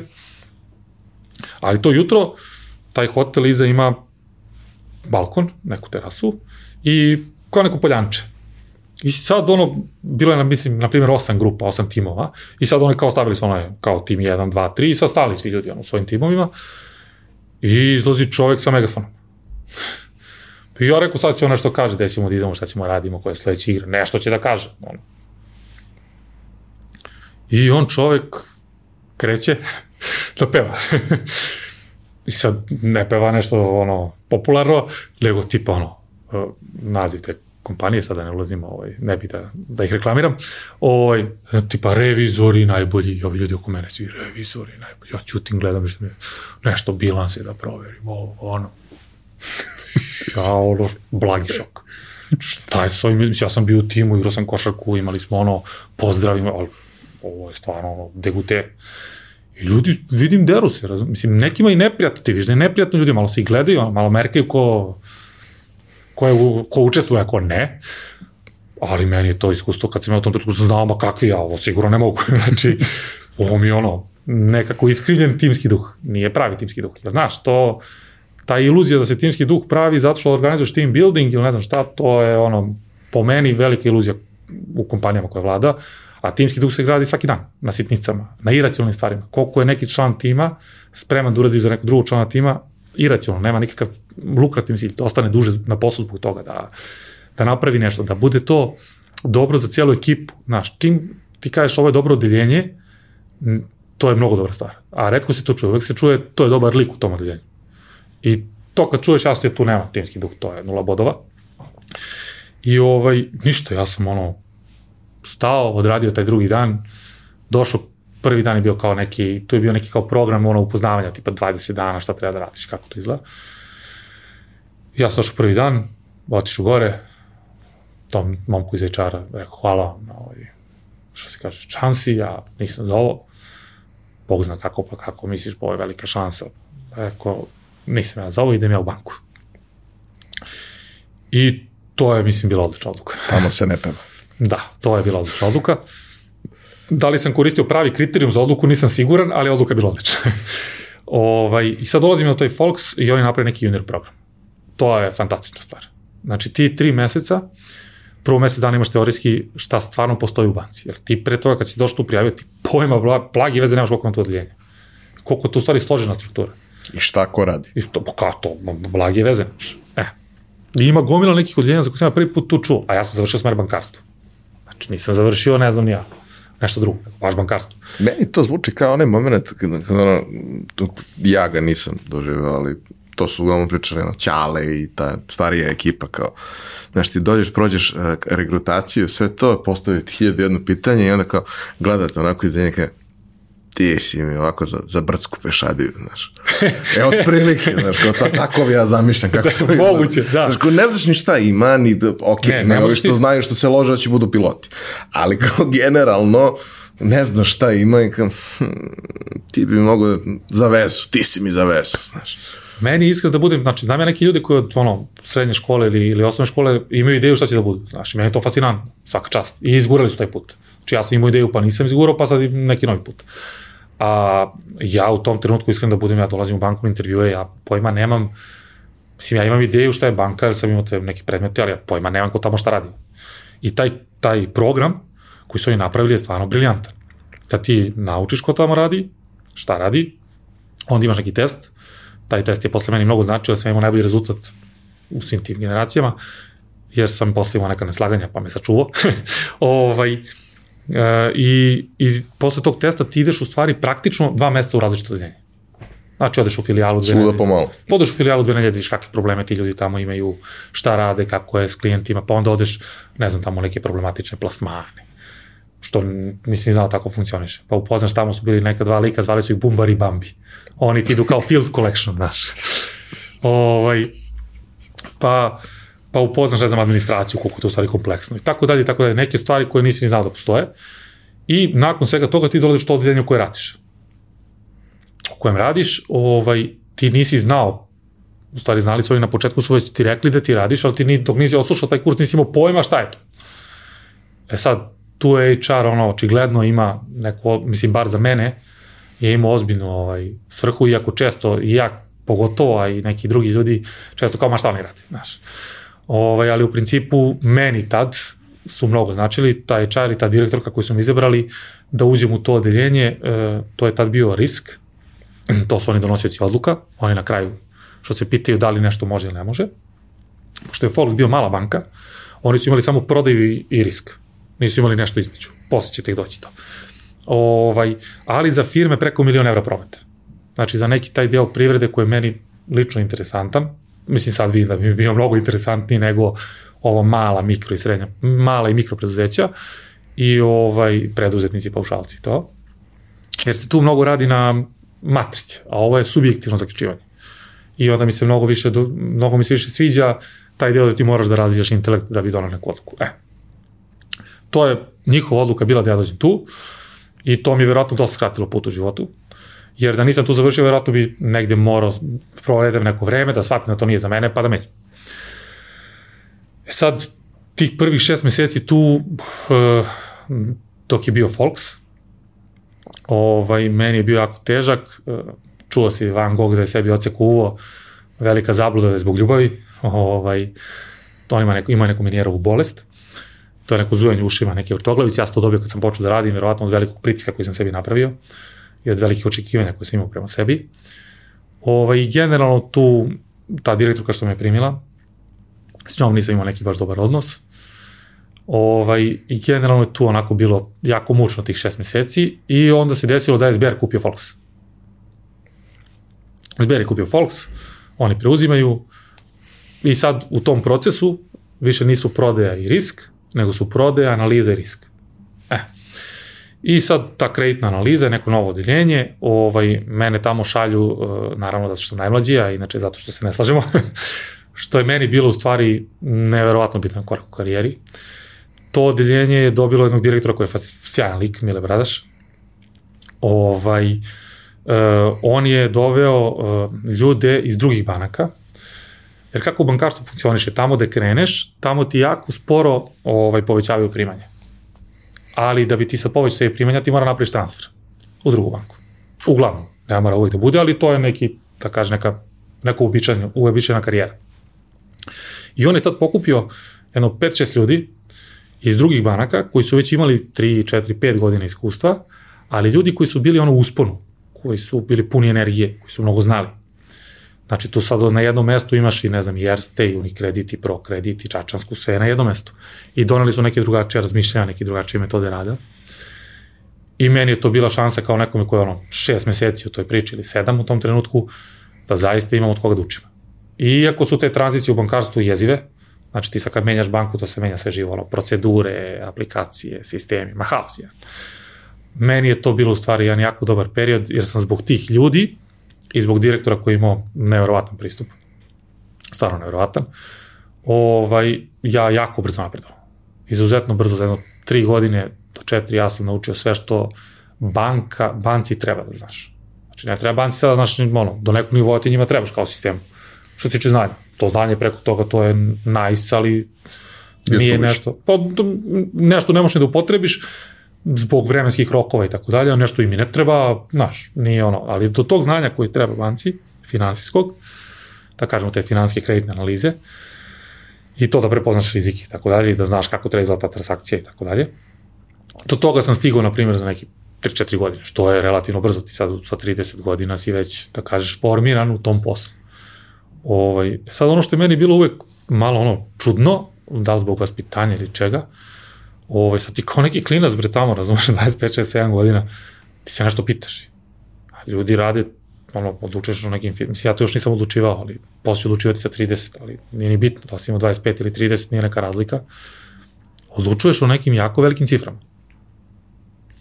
I, ovaj, i odlučuješ o nekim ljudima, o nečim životima. Sad ti si, imaš neki biznis svoj, organizovao si tamo 30 ljudi i nešto radiš i posle sa neki kreditni zahtev i ja kažem ovi ne mogu da vrate. Nisu ovi za to.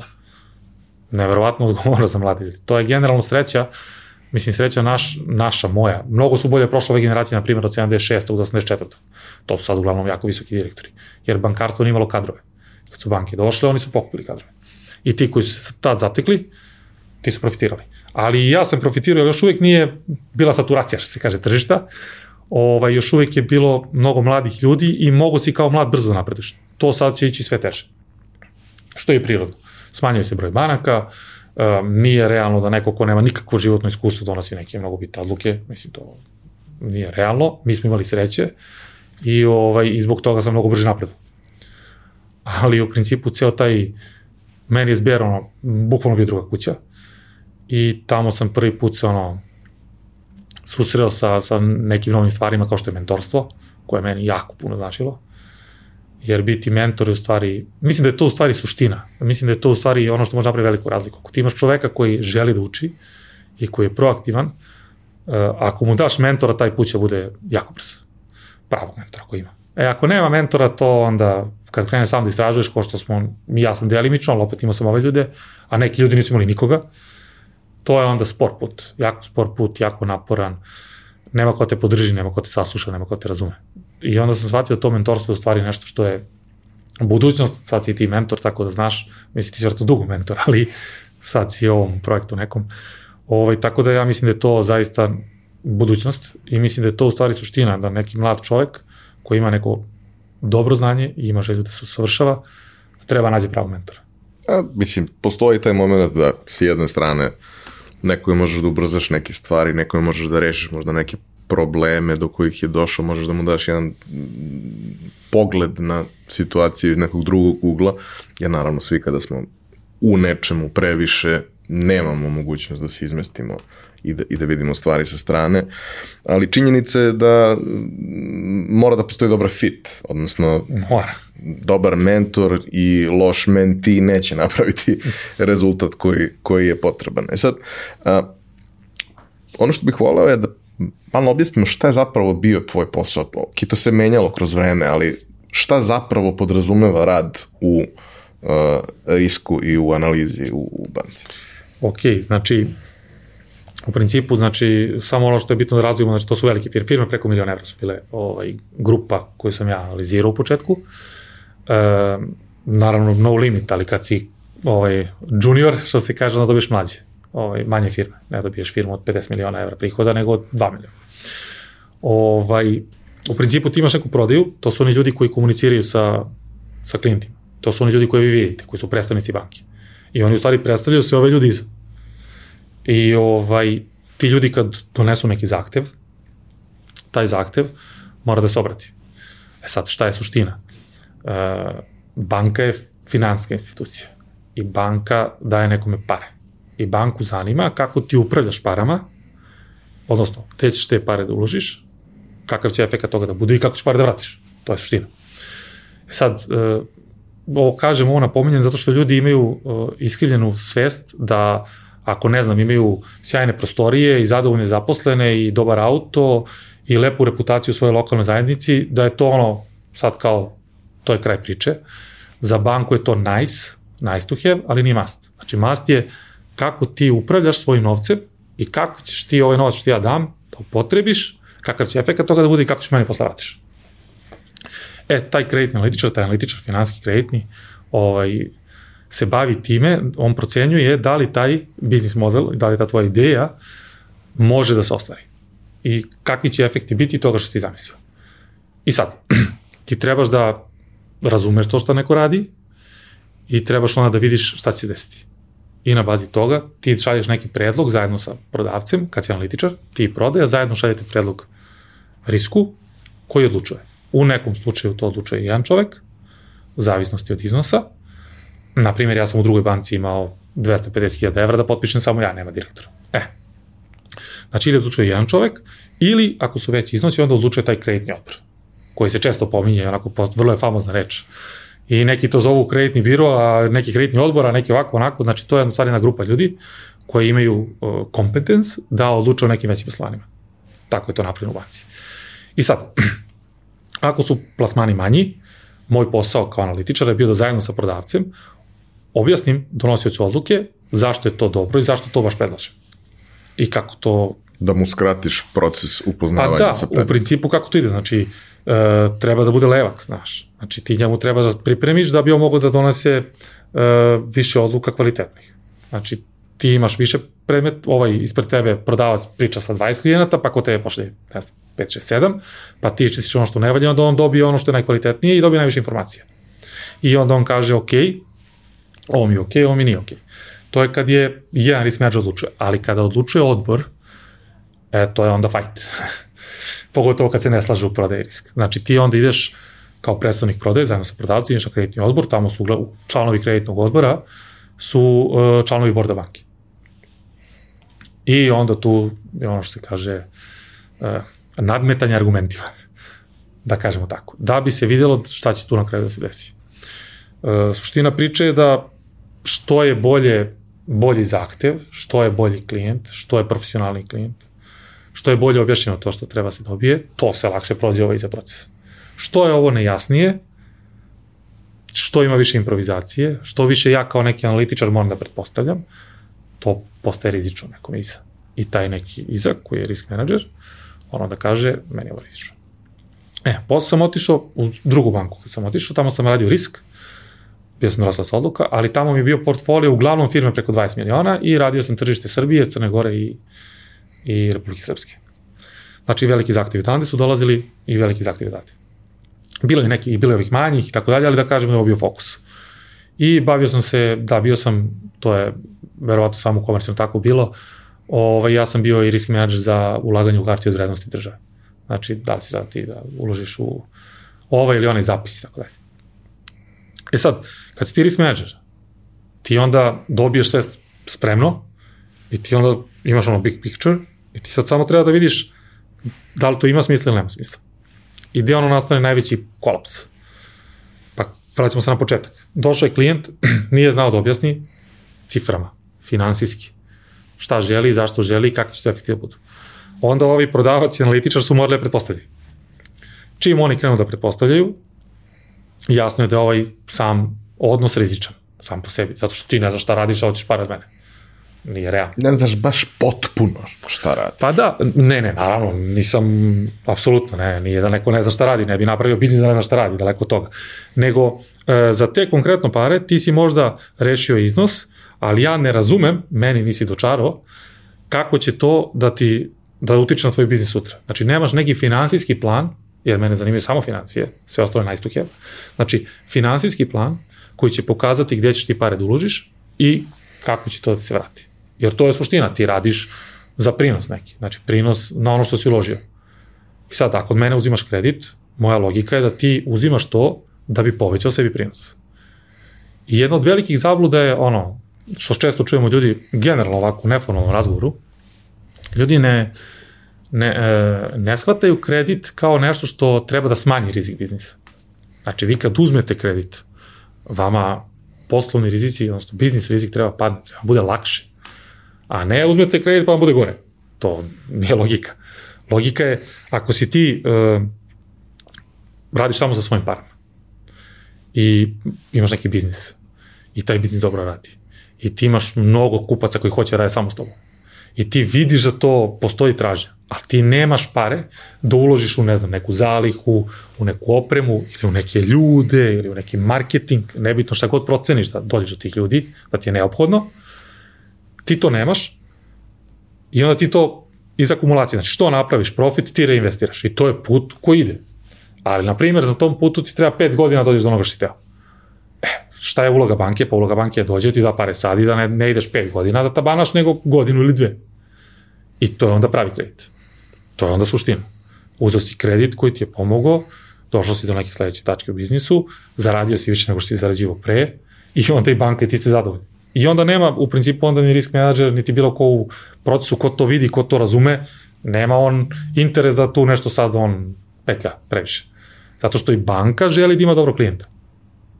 Sušti, mislim, mi imamo komercijalne banke ovde. Znači, malo je startup priča je malo drugačija. Znači, komercijalne banke kažu ovako, ti si već neki biznis razradio i taj biznis radi. I sad si ti meni dokazao, ti znaš da radiš to. E sad ja ulazim da ti pomognem da ti to nešto podigneš na viši nivo. Zato što nemaš izvore finansiranja, na primjer. I to je cela priča. A svaka banka, mislim, banka postoji da bi dala nekome pare za radilo na tome. I ne treba, mislim, ljudi jedva čekaju u banci da vide nekoga ko može da im nacrta sve to i onda oni ono da mogu brzo i kvalitetno da odluče i da onda budu partneri. Jer ovo, znaš, ti kad imaš pet banaka u portfoliju, ti nemaš partnera, tako. Znači, ako ja idem malo kod tebe, pa malo kod njega pozajmim, pa malo kod Pere, kod Žike, nije baš neka sigurna priča. Nije baš neka izvesna priča. Ali ako odem samo kod tebe i ti kažeš, ej, ja sam razumio šta ti hoćeš i evo ti proizvod za to, pravi proizvod za tebe. Poenta tog većeg segmenta je da ti možeš i proizvod da kreiraš malo. Nije ono kao za najmanja preduzeća da je sve predefinisano. Sad ti ako hoćeš nešto... Ne, i to, ovo, u, u tim slučajevima jako malih to mora da funkcioniše po šablonu, nema računice jeste, da Nema matematike, se neko bavi tim. Tako je, zato što to mnogo mali iznosi. Neće ti sad, mislim, banke i sad već čuo si ovo kao brzo odobrenje postoje. To je već stiglo do, ne znam, neke banke tu već do 500.000 evra, tako.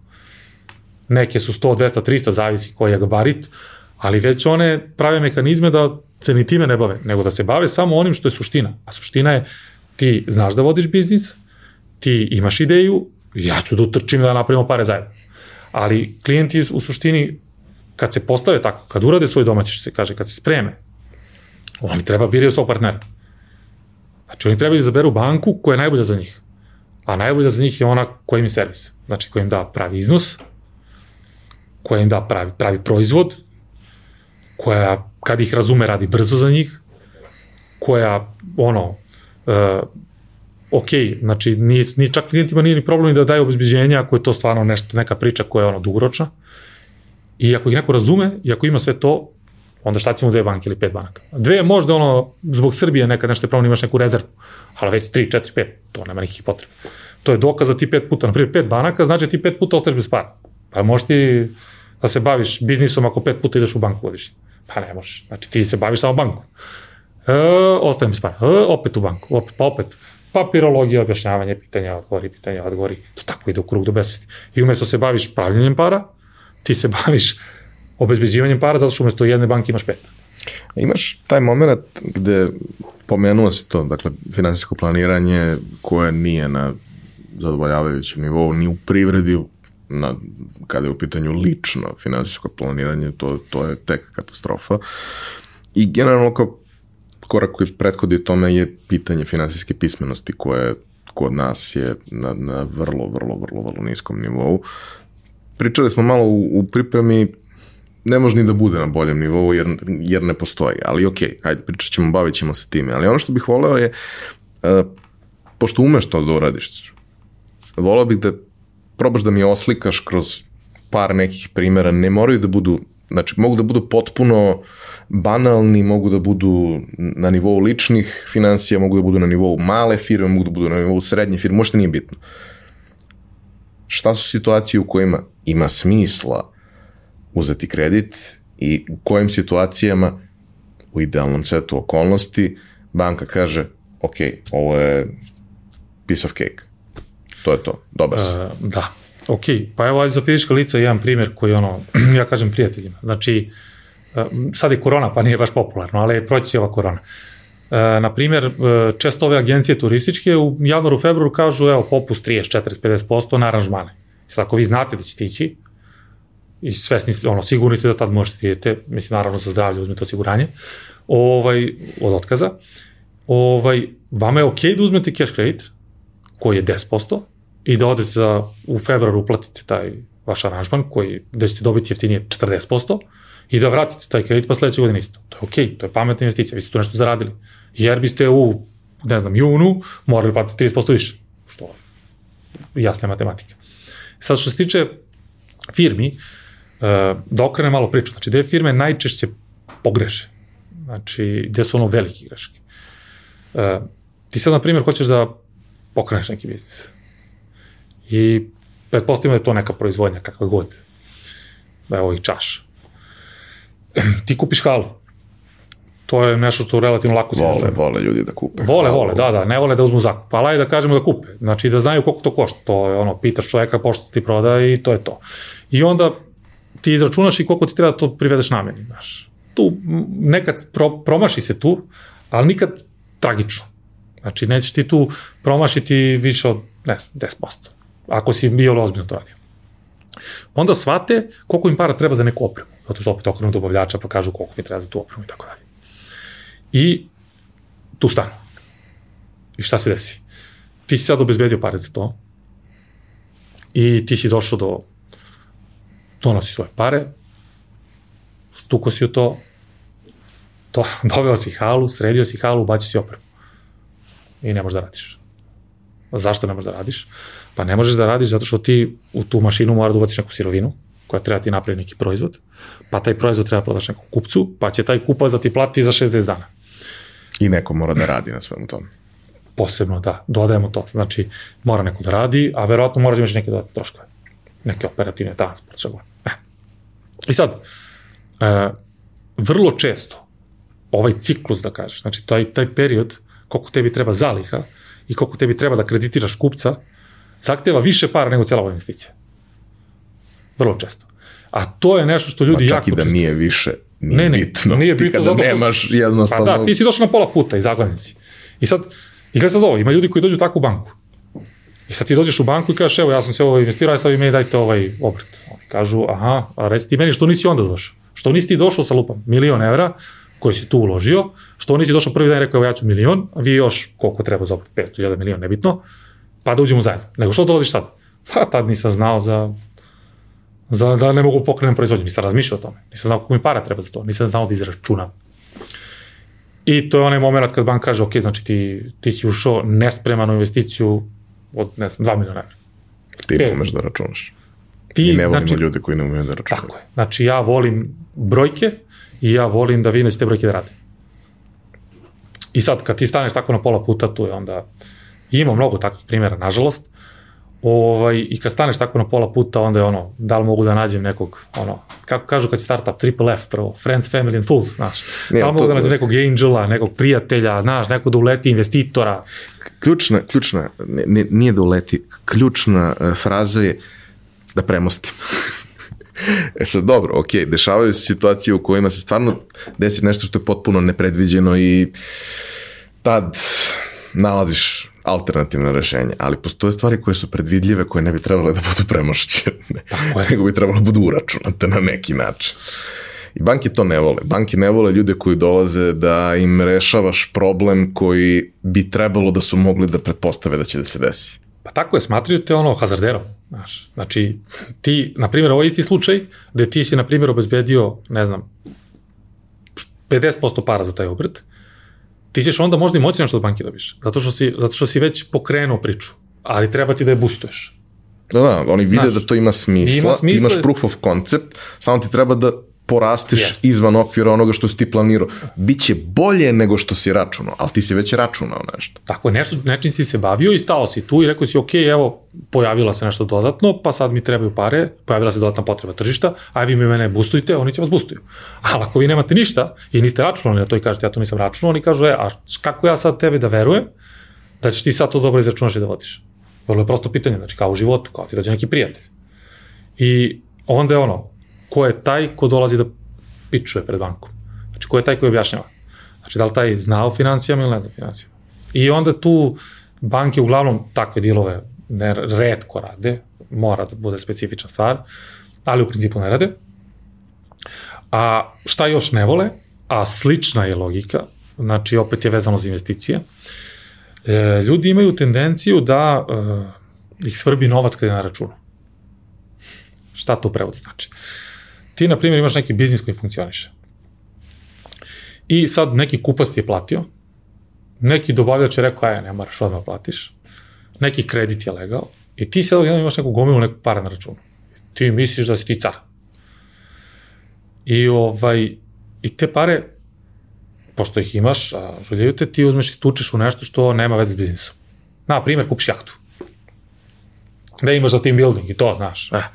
Ili nebitno, bilo šta, što je van biznisa, to je teška katastrofa, a čak i ako je u biznisu, to te čeka. Zašto te čeka? Pa ti si isiso pare iz obrta, jer ti dobavljači će kucnu vrlo brzo i kažu, e, vrati ti meni, plati ti meni ovo što je dospelo. I te banke će vrlo brzo kucnu i kažu ti rata. A ti si te pare već povuko i nemaš da pokriješ to i sad ti morati da ideš da se rešavaš to. E, čim uđeš u tu priču, to je takozvano uh, izvuko si iz obrta, finansirao si investiciju, tako to pričaju bankari ljudima, čim to uradiš, ti si sledeća stanica je kompromis. Šta znači kompromis? Pa kompromis je, e, kupac, znaš, molim te mi plati. On kaže, može 5% jeftinije. E, dobavljač, znaš, ja ipak ovo neću moći. Znaš, ne mogu sad ti platiti, možete me začekati još 20, 30, 50, 100 dana, nebitno. Može, ali sledeća naročbina skupa cena. I kad krenu kompromisi, to onda, što se kaže, to ti ono ko šakali, znaš, sa svih strana te neko Dobro, svako čerupa. mora na neki način sebe da obezbedi u toj situaciji. Apsolutno, zato što to, to je legitimno kreditiranje. Znači u lancu. Znači ako tebe dobavljač uh, ovaj, toleriše to kreditiranje. Ako kupac mora da plati ranije, mora da te pare da nađe. Znači on mora vratno možda da u banku. Pa on računa da li njemu jeftinije da uzme kredit u banci ili tebi da plati. Tako.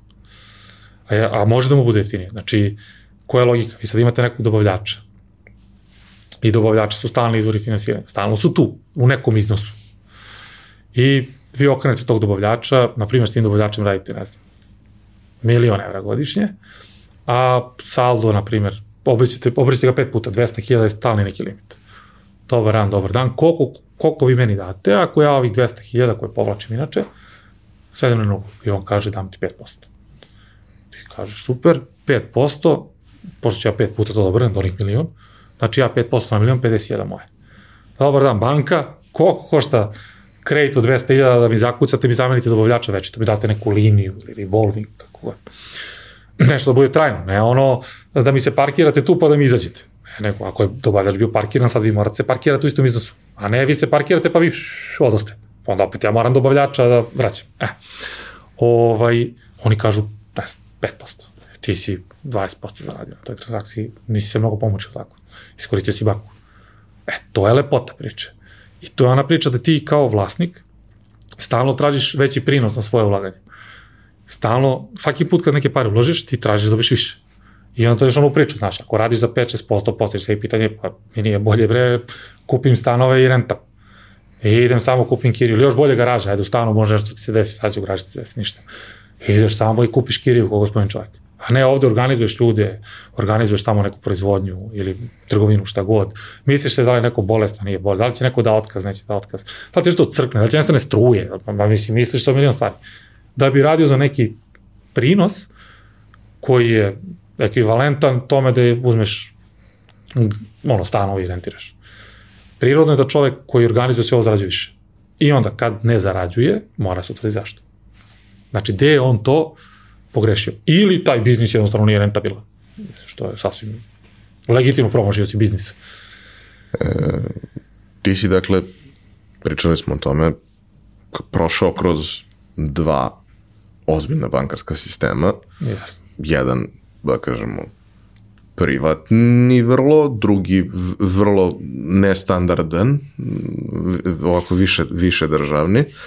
Ovaj, I onda si donao tu odluku da ponovo sebi zakomplikuješ život, što ja, mislim, ja bih volao da razumem zašto si ti odlučio da uđeš u preduzetništvo. Ok, skapirao si sve ove stvari kroz proces, svaka od tih stvari koju si shvatio jeste prilika, ali nije to baš tako jednostavno i nije to baš tako straightforward da će sve super da funkcioniše zato što si ti nešto shvatio. Da, znači, mislim, gomila je faktor, ali da krenemo tog profesionalnog. E, što se tiče te priče o, o šansi, ti vidiš da gomila ljudi traži neki proizvod i znaš, vidiš da nije to najbolje za njih. I moja logika je bila, pa što oni ne bi uzeli nešto što je bolje? I tu kad uzmu to što je bolje, ostaće i za mene i za njih. To mi je bilo neki, ono, da kažem, globalni mindset. Ali ovaj, bilo i neki drugi faktor, znaš. Jedan faktor je bio da sam ja se već malo zasitio rad u banci, jer nisam imao nešto mnogo novo da naučim. Komercijalnoj banci u kojoj sam radio, ovaj, tamo je neš, neko ludilo krenulo. Ovaj, to je vrlo jedno specifično okruženje. Znači da vi dolazite iz nekog, neke, mislim, Sberbanka je državna banka ruska, ali se ponaša kao privatna. Volksbanka je bila privatna. Mislim da kažemo 102 različite sistema.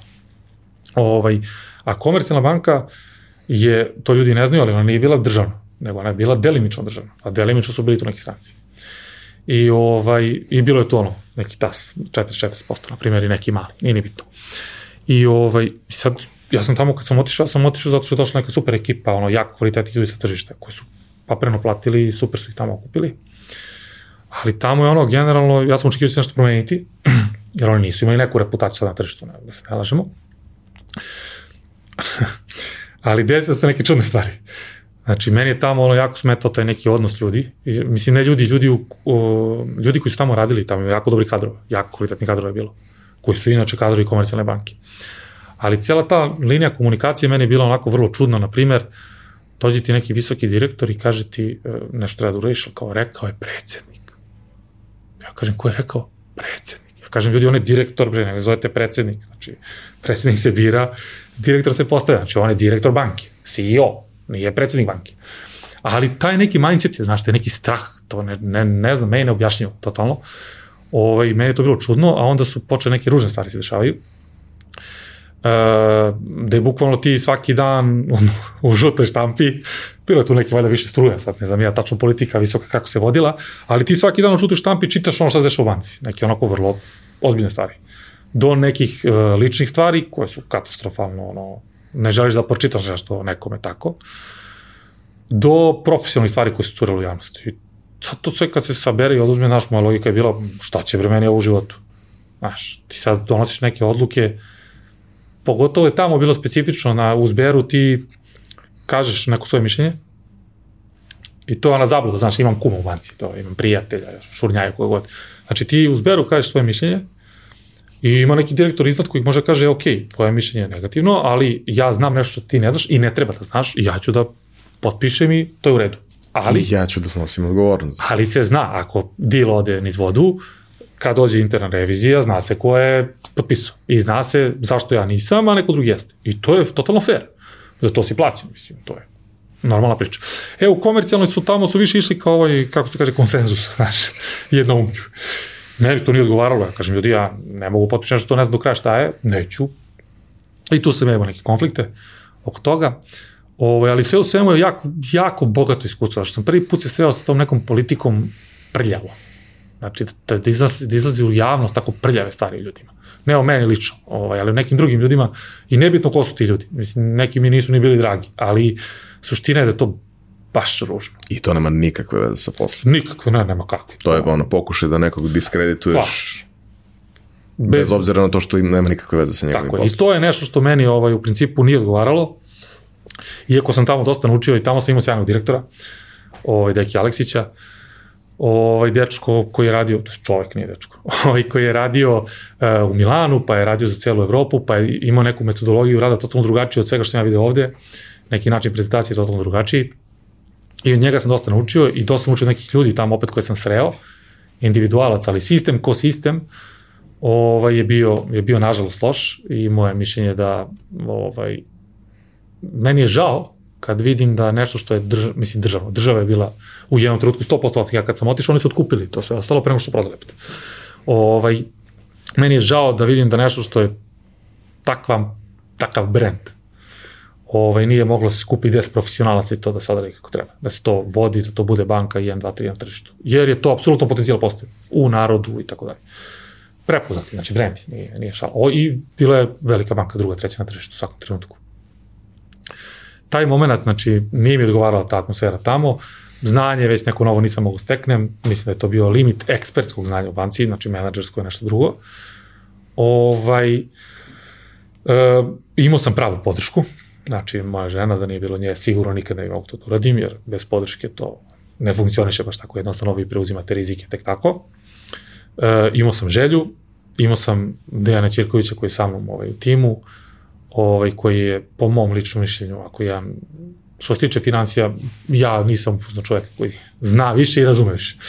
Ovaj, I opet ona priča inspirativni ljudi, meni on jako inspirativan bio kroz život, profesionalni, E, mislim i ljudski naravno, ali profesionalni pre svega. I on je bio u fazonu, ajde, ja još jedan kolega, Marko, ovaj, on je već tamo bio sa Nebojšom, kao ajde vi nama se pridružite, bila je neka ideja super, e, ideja je bila da mi napravimo aplikaciju, jer, jer smo shvatili koji su problemi u komunikaciji i šta to banke e, ne razumiju kod klijenata, šta to klijenti ne rade što bi banke volele i e, zašto klijenti ne mogu da izaberu banku koja im baš odgovara, mi smo rešili, shvatili da to može se rešiti kroz neku aplikaciju koja je mediju, znaš. Da s jedne strane budu, bude privreda, s druge strane banke, da u toj aplikaciji budu definisane neke stvari uh, koje moraju da se kažu, objasne, da bi onda posle to sve išlo mnogo lakše. Znači, svi oni, svi oni problemi koje smo uočili, da smo radili, ajde ih rečemo kroz to. Logika nam je bila, znaš, ono, polovni automobili, kad su napravili tako nešto, a to je slična, slična logika, Boban potok se ugasio tako. E, ali ovaj, očigledno tajming nismo pogodili, jer ja duboko verujem da to će sigurno da zažive u trenutku. Ovaj, samo ne, nije zaživalo sad. I dalje se ta bana, znači i dalje taj čovek koja će da vidi koliko banaka može da mu da kredite, on ide i ta bana u pet banaka, mislim, što je suludo, umesto da dođe na jedno mesto koje će mu reći šta treba tačno da kaže, e, kako to treba da se prezentuje i šta je to što treba da objasni. Ne, on sad je tabana i dalje radi po istom principu, ali tu je bio problem nekih, nekih ono, i mislim da je tajming. Znači, mislim da nisu bile spremne banke, svi koji su čuli, ideja im je bila super kao ideja, ali kako sprovesti, tu, tu je, tu je ovaj zapelo. Tako da, ja sam zbog toga izašao, ali prvi preduzetnički, da kažeš, ovaj, poduhvat mi nije bio baš najselji. Jer ne, nije propao, ali se nije realizovao u tom trenutku, ja verujem da će realizovati, ali to je na stand-by-u i morali smo odmah već da menjamo priču. Mislim da menjamo, da dopunimo. I to je nešto što, to su neki ključni razlozi. Znači imao sam podršku, imao sam želju, negde sam se zasitio, uh, banke su sistemi u kojima jako teško možete nešto promenite, možda imaš dobru ideju i možda imaš mnogo volje, a to sporo ide, zato što mnogo ljudi mora to da verifikuje. I generalno teo sam malo opet da se vratim u onaj mod, znaš, iz srednje škole, kad ti radiš šta hoćeš, pa sad, pa ćemo da vidimo da li je dobro. Ali tvoja ideja, pa ti odradi realizaciju, pa ćemo da vidimo da li je dobro. I to je nešto što mi je bilo ono, drive.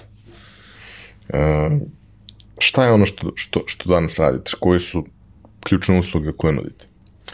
E, pa danas se bavimo finanskim menadžmentom, ovaj, široko zvuči, ali suština je kako čovek upravlja novcem. E, ta finanska funkcija, da kažemo da ima četiri neka dela. Jedan deo koji imaju sve firme po zakonu, a to je knjigovodstvo ili računovodstvo, ovaj, ozbiljna disciplina i ljudi se ono, time ozbiljno bave. E, ali kod nas, nažalost, zbog manjka kadrova i generalno loše situacije, e, većina tih e, računovođa postanu finanski direktori. Iako oni po vokaciji to nisu i nije to njihova disciplina i ne bave se s ove tri stvari koje mi radimo, a to su neko budžetiranje, odnosno neki finanski planovi, odnosno šta je to što firma treba da uradi, pa kad se definiše šta treba da uradi, ona treba da definiše i ko treba da uradi. Jer uh, džaba tebi plan ako ne znaš ko će ga sproveda, tako. E, i onda mi dođemo i to je jedan deo usluge da mi uradimo neke analize istorijske, napravimo neki plan, definišemo ko treba ga sprovede i definišemo KPI, odnosno ciljeve tih ljudi, jer moraš to da meriš. Sad da bi to merio, moraš da imaš neki sistem kontrole. To je finanski controlling, jedna usluga koja je jako mlada na tržištu, odnosno najmlađa i generalno najmanje se koristi, svi imaju neki controlling, znači kao pojam ti sad pitaš bilo koga on ima neki controlling, pa sad da li to radi na svesku ili na tefter, nije bitno, ili na Excel, nebitno je, ali controlling na nivou koji je neophodan da ti zaista upravljaš svojim biznisom, jer biznis ne sme da se dešava. Posao može da se desi, a biznisom mora se upravlja. E, to je nešto što je ovde jako, jako ovaj, nisko zastupljeno. Ljudi misle da sa softverom rešavaju sve, a nije baš tako. Može da bude ako vi pripremite te IT-evce da vam naprave ono što baš ste vi zamislili. Ali uglavnom ljudi ne, ne, ne definišu to kako treba. I to je ona jedna usluga koju radimo. Kad se to definiše, ti tačno znaš ko u procesu, ono, što se kaže, gritska semenka ko nešto radi. Znači, ko je u procesu ostvario onaj cilj koji treba da ostvari, ako nije. E, kad neko nije, bilo da je čovek ili da je neki deo procesa, nije, ne mora bude čovek, onda ti treba da vidiš šta treba da menjaš. I na bazi toga, ti kroz konstantne promene u stvari napređaš svoju firmu. Naprimjer, neki proces ti deluje skupo, pa kako radi konkurencija, pa mogu pošljem nekoga na obuku, pa može mi neko donese neki drugi know-how Pa kad mi donese, pa kad to implementiraš, pa izmeriš, pa vidiš da si ti tu napravio odličan posao. Ili neki zaposleni nešto ne rade. Naprimjer, ti si prodavac jedan, ja sam prodavac dva. Ti prodaješ super neki proizvod, ja ubi Bože. Pa možda ti možeš mene da pomogliš, tako. Ali ja prvo moram znam ko prodaje super, a ko prodaje ubi Bože. A ne da bude nosće, evo, ovo mi je napravio četiri posla, ove dva, a? pa koliko je tu parama, pa sad tu, znaš, da li je ovoliko ili ovoliko zaradio, ne znam tačno, ali zaradio mi, on mi je zaradio. Nije baš tako. Znači, kad se podvuče crta, kad se sve sabere, ti moraš da znaš ko je napravio pare, a ko nije napravio pare. I šta da radiš sa tim što nije napravio pare. I ne mora svako da napravi pare. Postoji Naravno. sistem u kome prosto to, te pozicije koje postoje u njemu nisu tu da zarade novac. Tako je. Ali imaju neku drugu svoju karakteristiku koja može da se kvalifikuje i kvantifikuje. Da, na primjer, to je ono pitanje da li proizvodnja treba dobiti bonus. Znaš, to je ono pitanje koje imamo od klijenta. I sad gledaj, znači, ti kad definišeš neku prodaju, onda definišeš i šta treba proizvedeš. To je logično. I sad, ti kad definišeš šta treba proizvedeš, ti imaš neko očekivanje koliko će to tebe da košta. Pa onog momenta kad je proizvodnja proizvela jeftinije od tog tvog očekivanja, pa oni su ljudi zaslužili bonus. Zato što te koštaju manje nego što si očekivao. Treba da im daš bonus. To nije bonus prodaje. Treba da postaviš neki Jeste. threshold, neki limit Tako. koji kažeš, ok, ispod ovoga ne želimo da idemo, u nekim objektivnim okolnostima ok. Naravno. Posebno kada je to na nivou incidenta, a ne na nivou pravila. Na, ok, znaš, kao korona, ne, ok. Ali prosto ako stalno imaš podbacivanja, onda imaš problem. Jer neko to mora da nadomesti. Taj neko, ako je u istoj poziciji, isto plaćen i tako dalje, će vremenom postati nezadovoljan, koliko god bio zadovoljan u startu. Tako je koliko god sve ostalo, koliko god bio uredan prostor i dobre stolice i dobra klopa za, za, za, za ručak, kao u nekom trenutku jednostavno nije fair. Ni prema jednima, ni prema drugima. Ali činjenica je da ljudi vrlo često ne znaju to. Nekada znaju jer postoje određene delatnosti, određene uh, segmenti firme u kojima se jednostavno funkcioniše po principu KPI-eva ali i tu ima ona priča šta je, šta je adekvatan KPI. Pa da, znaš, uh, uglavnom ljudi to definišu za prodaj, znaš, to je prva tačka. Ali gledaj, znači ti, ti sad praviš neki cilj, prodavac i ne mora da zna zašto ti forsiraš neki proizvod. Jer on može, bolje da razume, ali i da ne razume, ti si taj koji odlučiš gde želiš da stigneš. E sad, ako ti znaš gde želiš da stigneš i znaš šta treba da se uradi, onda ti nekome dodeljuješ cilj za to. I sad prodavci kad ostvare cilj, to je ono uglavnom, često se desi da prodavci pokupe sve, a nije samo njihov doprinos. I onda je pitanje, a kako to ovog bi se proizvodnje da dam? Jer, na primjer, proizvodnja proizvede jeftinije. Primjer. A prodavac proda. Proizvodnja nije imala cilj, nije imala KPI-eve, nije imala očekivanje. Nije imala bonus šemu. Ok? I oni, i ti sad, prodavac je donao veći profit, ti guraš ogromne pare prodavcu. On prodava po istim cenama čovjek. Znači, poštetio si neko drugi, neko drugi je napravio tu vrednost. E, taj drugi koji je napravio vrednost, isto treba bude vrednost. Odnosno, i neko I drugi neko drugi. je napravio tu vrednost. I, I tu ima onaj moment, baš kad to, kad kao merimo, prosto i postavljamo KPI-eve i merimo ih i gledamo šta ima smisla. Jedna od stvari je, znaš kao, da to postaviš na ispravan način. Jedna stvar je, ono, ok, broj dilova koji će neko da dovede. Dobro, to je ok indikator. Jel samo to gledamo? Samo to gledamo. Uh mhm. -huh. Ako je prosječna vrednost dila, Tako je. Jer ako je neko doneo pet velikih dilova, a neko doneo 30 malih dilova, količina posla koja je potrebna da se uradi za 30 malih dilova, iako i ukupna količina para ista, nemerljivo se razlikuje. I nije samo to, naravno, ne možeš sad da, da se postaviš situaciju tako i kažeš, ok, sad jurimo samo, sad ćete samo, samo da jurite veliki, jer ako možeš da živiš od toga, super, ali ako ne možeš, moraš da praviš neki kompromis što se toga tiče. Tako ali je. treba budeš svestan toga. Tako je. To su stvari koje, kojih prosto svako mora da bude svestan u tom procesu. Absolutno. A i bilo bi poželjno, ja uvek to nekako kada razmišljam i kad pričam sa, sa ljudima, to, jedna stvar je i jako je dobro da znaš šta se dešava, najgore kad ne znaš šta se dešava. Najgore. Ok, bolja opcija je da znaš šta se dešava, a još bolja opcija je da znaš zašto se to dešava. I to je negde ono što u suštini kroz ovo što radite vi pokušavate da, da postavite Tako je. firmi. Tako je. Tako je. Znači, naravno, neke firme su kompleksnije, neke su jednostavnije, ali proces je taj. Znači, šta treba da uradim, ko treba da uradi, izmeri ga, controlling, da vidim gde je problem, i obezbedi mi pare, to je ovaj treasury deo, to je banke, obezbedi mi pare sve odesi. I mi radimo to. To je naš posao. Znači, mi definišemo šta želimo, šta mora se uradi, ko treba da uradi, a ja pratim sve to, definišem ti, napravim ti sistem koji će ti omogućiti da pratiš performanse i obezbedim ti pare da se sve to desi. U strukturi koja omogućava da se to desi. Jer nisu sve pare iste.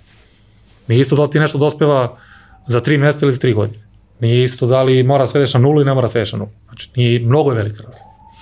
I ovaj, to je ono što mi radimo i suština je da Mislim, mnogo je lepa taj, lep taj osjećaj kada s klijentem, uglavnom klijenti u početku imaju ne, ono, nepoverenje, znaš, jer ti sad ulaziš nekom u financije, vrlo pipava stvar. A generalno onda prvo ono ide neki segment raspitivanja, pa ti čuješ zvao, zvao me taj, pa me zvao ovaj, pa ti javi se ovaj i tako dalje. I kad se probije ta barijera ovaj, poverenja, ja sam imao, mislim, imao još uvijek klijente, uh, dva su vlasnika. I ovaj, i ovaj jedan uopšte samo nije komunicirao čovjek, jedno 9 meseci. Ma uopšte, rečen ti progovori, von dana.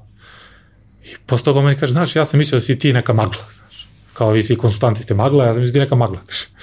Ali dobro, sad kao možemo pričati. Kom hvala. Mislim, taj Nije osjećaj, trebalo mnogo da se probije. Pa ne, ali nažalost, e, to je ono što je, to je, na primjer, jedna velika barijera. Znači, e, ako si ti nešto radi loše 5 godina ili 10 godina, a nisam ja mađioničar da napravim za dva meseca, bude to dobro. Mislim, nije moguće, nije realno. Izgradio si, ti, ti u stvari nekim načinom rada. Ti gradiš očekivanja drugih tvojih nekih, da kažemo, kooperanata i banka ti je neki kooperant nazovi. I sad, ti si radio na jedan način i sad ti želiš da promeniš to kako si radio i da se drugačije prezentuješ drugim. A oni prvo kažu, a pa kako ja da znam, ajmo prvo malo da te probamo. Pa kad nam toj probi pokažeš, onda možemo da radimo ozbiljno. E, ali ta proba i ozbiljno, to može traje godinu, dve. U zavisnosti toga šta si napravio pre toga, naravno. I to je ono sad, ljudi koji su proaktivni, uglavnom su naši klijenti jako proaktivni ljudi, koji vide ono, vide šta žele, znaju šta žele. I ti onda ono, onda nije ni problem i to čekanje, ali se zna šta je cilj. I zna se šta je moj cilj. Znam se ako ga ne ostvarimo, mislim, nema šta tu da tražimo tako. Tako da, u principu, uh, definisanje ciljeva je ključna, ključna priča, uh, dodata vrednost koju daš je ključna priča, a, a klijenti na kraju podvuku crtu i kažu da sam ja ostvario veći prinos ili nisam ostvario veći prinos. Znači, to je ono, bottom line priče. Sve ovo ostalo što radiš, radiš zbog toga. To je cilj. Sve ovo što popravljaš, menjaš, implementiraš, investicije u financije su kao investicije u proizvodnju. Znaš, pa ako imaš bolji sistem financija, pa će ti biti. Sad samo u proizvodnji ljudi ono lako vide, znaš, meni treba ta mašina nešto proizvela. Ali mi treba takav software pri skupi informacije, pa onda praviš neka među rešenja. Pa sad, Bogu hvala, ovaj, Microsoft je napravio neki Power BI, pa tu može mnogo, mnogo stvari da se reši bez softvera. Ja, vrlo često ljudima, kad pričamo o svemu tome, to je onaj moment, znaš, ne treba firma da vodi svoje financije u Excelu. Aj za početak nek vodi u Excelu. Ako ne vodi ni u čemu, aj nek vodi u Excelu. Aj, ajde da krenemo od toga da ti za početak vodiš to kako treba. Pa kad vidiš da ti to ima smisla, onda ćeš u nekom trenutku hteti nešto više. Ali vrlo je teško ono, ovaj, od, od točka doći do aviona odjednom. Traži mnogo promena navika. Znaš, ali ti to kad kreneš, mi sad kad krenemo, na primjer, vlasnik ili direktor, on vidi šta će da se, on zna šta će se desi, ili vidi, ili osjeća, ili kako god. Ali ljudi ostali ne znaju. A moraju da budu uključeni. I to znači promena navika svih u mnogo ljudi u sistemu, a nekad i svih. Znači, šta radiš? I te promene navika, to je u stvari ono, to je ono, znaš, ništa meni ne vredi da ja tebi napravim najbolji sistem na svetu ga ti ne koristiš. Znači ti si sigurno nezadovoljan, ja sam nezadovoljan. Ništa ja tu nisam napravio. A ja živim od reputacije. Pa ćeš ti onda sutra kažeš, e, no, mi napravio nešto, ja to ništa nekom meni to ne treba. Mogu sam subije, razumeš? Znači to ne treba niko. Tako. E sad, šta treba? Treba mi sistem koji će meni da pomogne da ja vodim moju firmu. Znači treba mi sistem koji će ti meni da napraviš, da ja mogu ono, da sedim na plaži i da znam šta se dešava i da znam da li mi tamo nešto opasno se dešava. E, to je ono što, to je taj sistem finanske kontrole, pa sad imaš neki program koji ti omogućava da bude jako fancy. Ali suština nije ta, nego suština šta meriš, kako meriš, da to definišeš, pa onda da kako ćeš to prezentuješ. Znači, alat ti je da prezentuješ, a kako ćeš to da meriš, to ti je ono, razmišljanje. To je, ono, to je ekonomska dodata vrednost. To je ono što mi radimo, a malo ljudi radi ili ne radi to je naš ono, veliki, veliki, velika komparativna prednost.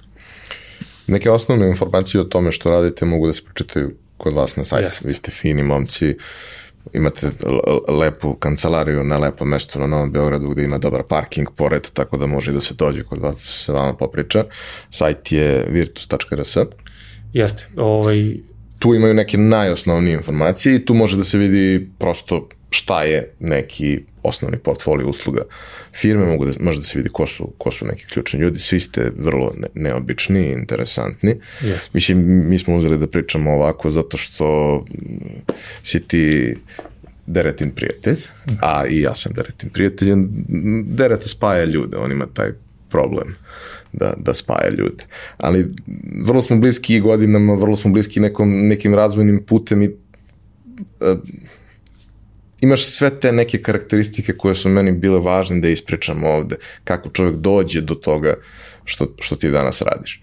Uh, vremenom će ljudi upoznati verovatno i ostale učesnike u celom tom procesu, ali uh, poenta jeste u tome da uh, pokušavate, a i ja iz svog ugla i na svoj način, da napravimo jednu promenu mindseta i da ljudi shvate šta je ono što im zaista nedostaje da bi dostigli neke ciljeve koje žele. Nema ništa gore od trenutka kada vidiš da je neko sjajan, da je proizvod ili usluga koju, koju je smislio fantastična, ali da fali neki deo pazla koji on ni po koju cenu ne želi da potraži i složi u svoj, svoj puzzle. Uh, fali taj neki deo pazla koji mu neće omogućiti da dostigne ono što bi, što bi zapravo mogao, jer svi smo mi, to je kad je, kad je uh, Đorđe, ja preduzetnik bio, pričali smo dosta o tome,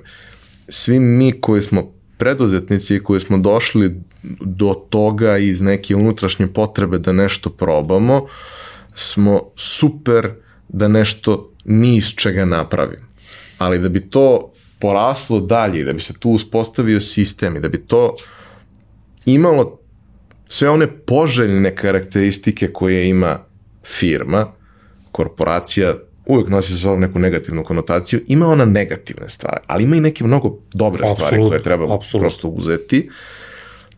E, to ne ide lako uz to ja sam ni iz čega na lični drive, na lično cimanje napravio nešto. To može da te dovede donekle, ali odnekle moraš da probaš da radiš na drugačiji način, jer jedna osoba i dalje je konačan resurs i ima taj inženjerski problem sa single point of failure koji u principu nije dobar nigde, a naročito nije dobar u, u biznisu od koga neki ljudi žive. Sjajno si to rekao, znači suština je da uh, u jednom trenutku vlasnik i menadžer mora se odvoje. Dokle god je one man show, dokle god nema nikakvog de delegiranja. Vlasnik je sve. E, a on onda postavi neke menadžere, pa i nešto delegira. Pa oni onda nešto rade, a ono može se radi nekom, on može se bavi nekim, da kažem, strateškim stvarima, a oni operativnim. I taj, taj u stvari trenutak je jako teško pronaći, da ono, teško je preći taj moment u... Samo još malo, samo još malo, pa samo, samo još to malo da se, i uvijek da bude se nađe čovek, da se delegira i da, da, se, da čovjek ne izgori u tom procesu kao neko ko je nosilac priče. Sad ono što mene, moram kažem da me baš raduje, ovaj, e, što se tiče financija, dosta imamo u zadnje vreme upita vezanih za edukaciju, znaš. I, ovaj, i očigledno je da se ta svest razvija. I ovaj, u skladu sa tim, mislim, uglavnom što sad naravno edukacije se drže ovaj, uglavnom nekim većim kompanijama, privatnim i multinacionalnim, ok, i domaći kapital i strani, ali, ali ono što, što me baš raduje da se imamo dosta, javljaju se dosta ljudi koji ono rade negde ili su neki profesionalci, znači negde su eksperti ili su iz nekih firmi ili su vlasnici koji žele neku edukaciju. Tako da ono što bi samo teo dodam na ovaj spektar usluga razvićemo, mislim razvijamo, završavamo sad jedan kurs ovaj, koji u stvari treba da pomogne da se taj edukativni jaz smanji, zato što mi u stvari u našem procesu upoznavanja s klijentom i generalno prodaje naših usluga imamo dosta edukacije. Tako da u principu ljudi žele da uče i to je mnogo dobra stvar. Znači očigledno da ovo postalo nešto što su ljudi postali svesni da, to, da je to bitno. Tako da nadam se da će sa razvojem toga sasvim sigurno će ono celom društvu biti bolje, jer u principu mi radimo najviše sa domaćim vlasnicima kapitala a za jednu državu je mnogo bolje da bude domaći, domaći vlasnik kapitala nego strani. Mislim, generalno, globalno. Eh. Da, postoji taj moment da ono, ljudi kada imaju jasnu motivaciju zašto nešto treba da rade, bit će im mnogo lakše da to i urade. Znaš, nisu ljudi, e, nije, nije palo sa neba ideja da hajde da, da učimo mi o financijama. Ne, ne, ljudi su videli da tu postoji problem, da tu postoji nekakva prilika, da tu postoji neka razlika koja može da se napravi i ti sad možeš da uh, probaš da unaprediš uh, proizvodnju 1% i da pogineš u tom procesu, a možeš i nešto drugo da radiš pametnije 3% za, sa mnogo manje cimanja i da postigneš isti krajnji rezultat koji želiš. Sećam se onog jednog primjera, obožavam ga i mislim da ga nisam pominjao, pomenut ću ga sad. Kao to je moment kad, kad ok, nisu, nisu financije, ali jesu financije. Uh, dođeš, dođe ti uh, u, u velikom trgovinskom lancu i kaže mi moramo da, ok je ovo kako imamo sada, ali mi moramo da napravimo još 15 miliona eura prometa uh, mesečno u narednom periodu. I to je haos. I kreće sad, gde da nađemo nove kupce, gde da ovo, gde da ono.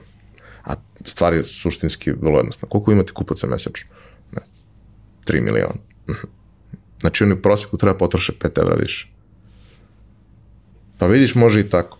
Pa, tako. Mnogo ćeš lakše da napraviš taj rezultat, nego da nađeš još milion i po kupaca koji će da potroše 10 eura ili ne, nebitno, koji god odnos. Aha, kao, pa može i na taj način da se razmišlja. Postoje, svako od nas ima neki svoj predefinisani, ono, kako je povezan žičicama i s vremena na vreme nije loše dođe neko sa strane i kaže, ali možda može i ovako. Apsolutno. Nije lako dati to, možda može i ovako rešenje koje ima smisla ali je lakše kada je to osoba sa velikim iskustvom, velikim znanjem, koja je videla mnogo različitih primjera i ok, možda ne razume 100% do detalja to što ti radiš.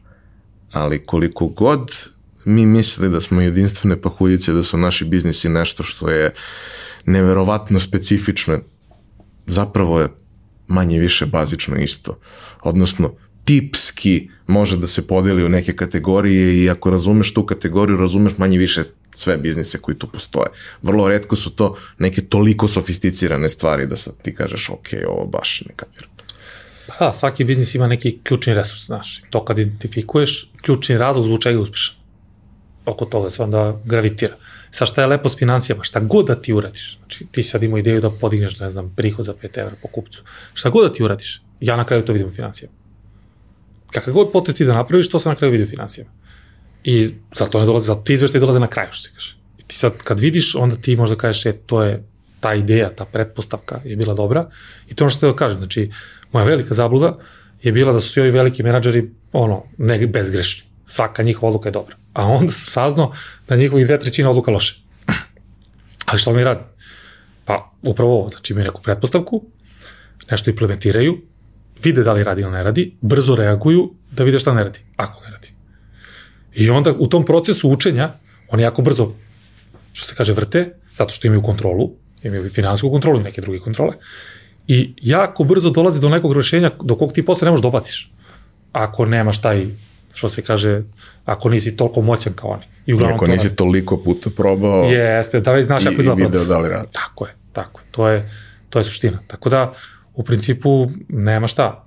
Nema šta. Financije dođu na kraju i finan, u financijama sve vidi. Ne može se ništa sakriti. Sad samo je pitanje da li neko želi da vidi. Znaš, to je... Imaju ljudi generalno predrasudu, znaš, ti sad kao treba da ti si finansijski konsultant, pa sad oni kao, nešto ćeš ti šta, znam, da nađeš, vidiš, mislim. Srbija je jako transparentna zemlja. Znači, mnogo stvari može da se vidi bez da nekog upoznaš. Naravno, ja to ne koristim kao na sastanke, zato što ono, pomislit će ljudi da sam neki udbaš. Da ne budu ono, ja mu rekao, je, znaš, ovo ću radio, bit će, šta ovaj bre, ovaj me posmatra, pusti tu priču, ali u principu u Srbiji jako je transparentno tržište i jako puno informacija o nekoj firmi može se nađe online, da li to NBS, APR i tako dalje, i ti možeš tačno da vidiš mnoge stvari koje stalno dešavaju. Da, naravno ako postoji neka istorija, ti prosto vidiš pattern. Ima pet godina, nema tu šta, znači da ti vidiš kako neko razmišlja, znači kako je neko, ti bukvalno vidiš kako se neko iz različitih situacija, kako se ponaša, kakve odluke donosio. Bukvalno, znači to je, pa to je sad kao da poređaš pet rezultata doktoru za redom krvi, razumeš? I on vidi šta se tamo dešava, zna. E tako ja isto, ja pogledam pet godina i ja vidim kakve si odluke donosio, šta si čime finansirao, kako se ponašao, na koga si se oslonio, to se vidi. Mogu da vidim, ono, često se proceni što kaže i psihološki tip ličnosti može proceniti, da je neko baš hazarder ili je malo ono risk oriented ili znaš kakva mu je verzija prema riziku. Možeš to da vidiš sve. Javno dostupno, nije tu sad kao, znaš, neka sad kao taj. Dobro, samo treba da znaš šta gledaš. Pa dobro, da, zato sam ja 10 godina u ovome, znaš, nije preko noći. I u principu, znaš, dosta je, mislim, široka je tema, ekonomija je jako široka, financije isto. Tako da, u principu mi se bavimo ovim delom koji smo, koji smo rekli, znači mi se ne bavimo računovodstvom i knjigovodstvom, ulazimo samo kad moramo na primjer, poresko savjetovanje, to je neka disciplina koja je bliska, ali, na primjer, ja ne mogu sebe da nazovem ekspertom u toj oblasti. Znam ja to verovatno više od 95% ljudi na tržištu, ali ja nisam ekspert u tome. Ima ljudi koji znaju mnogo više od mene.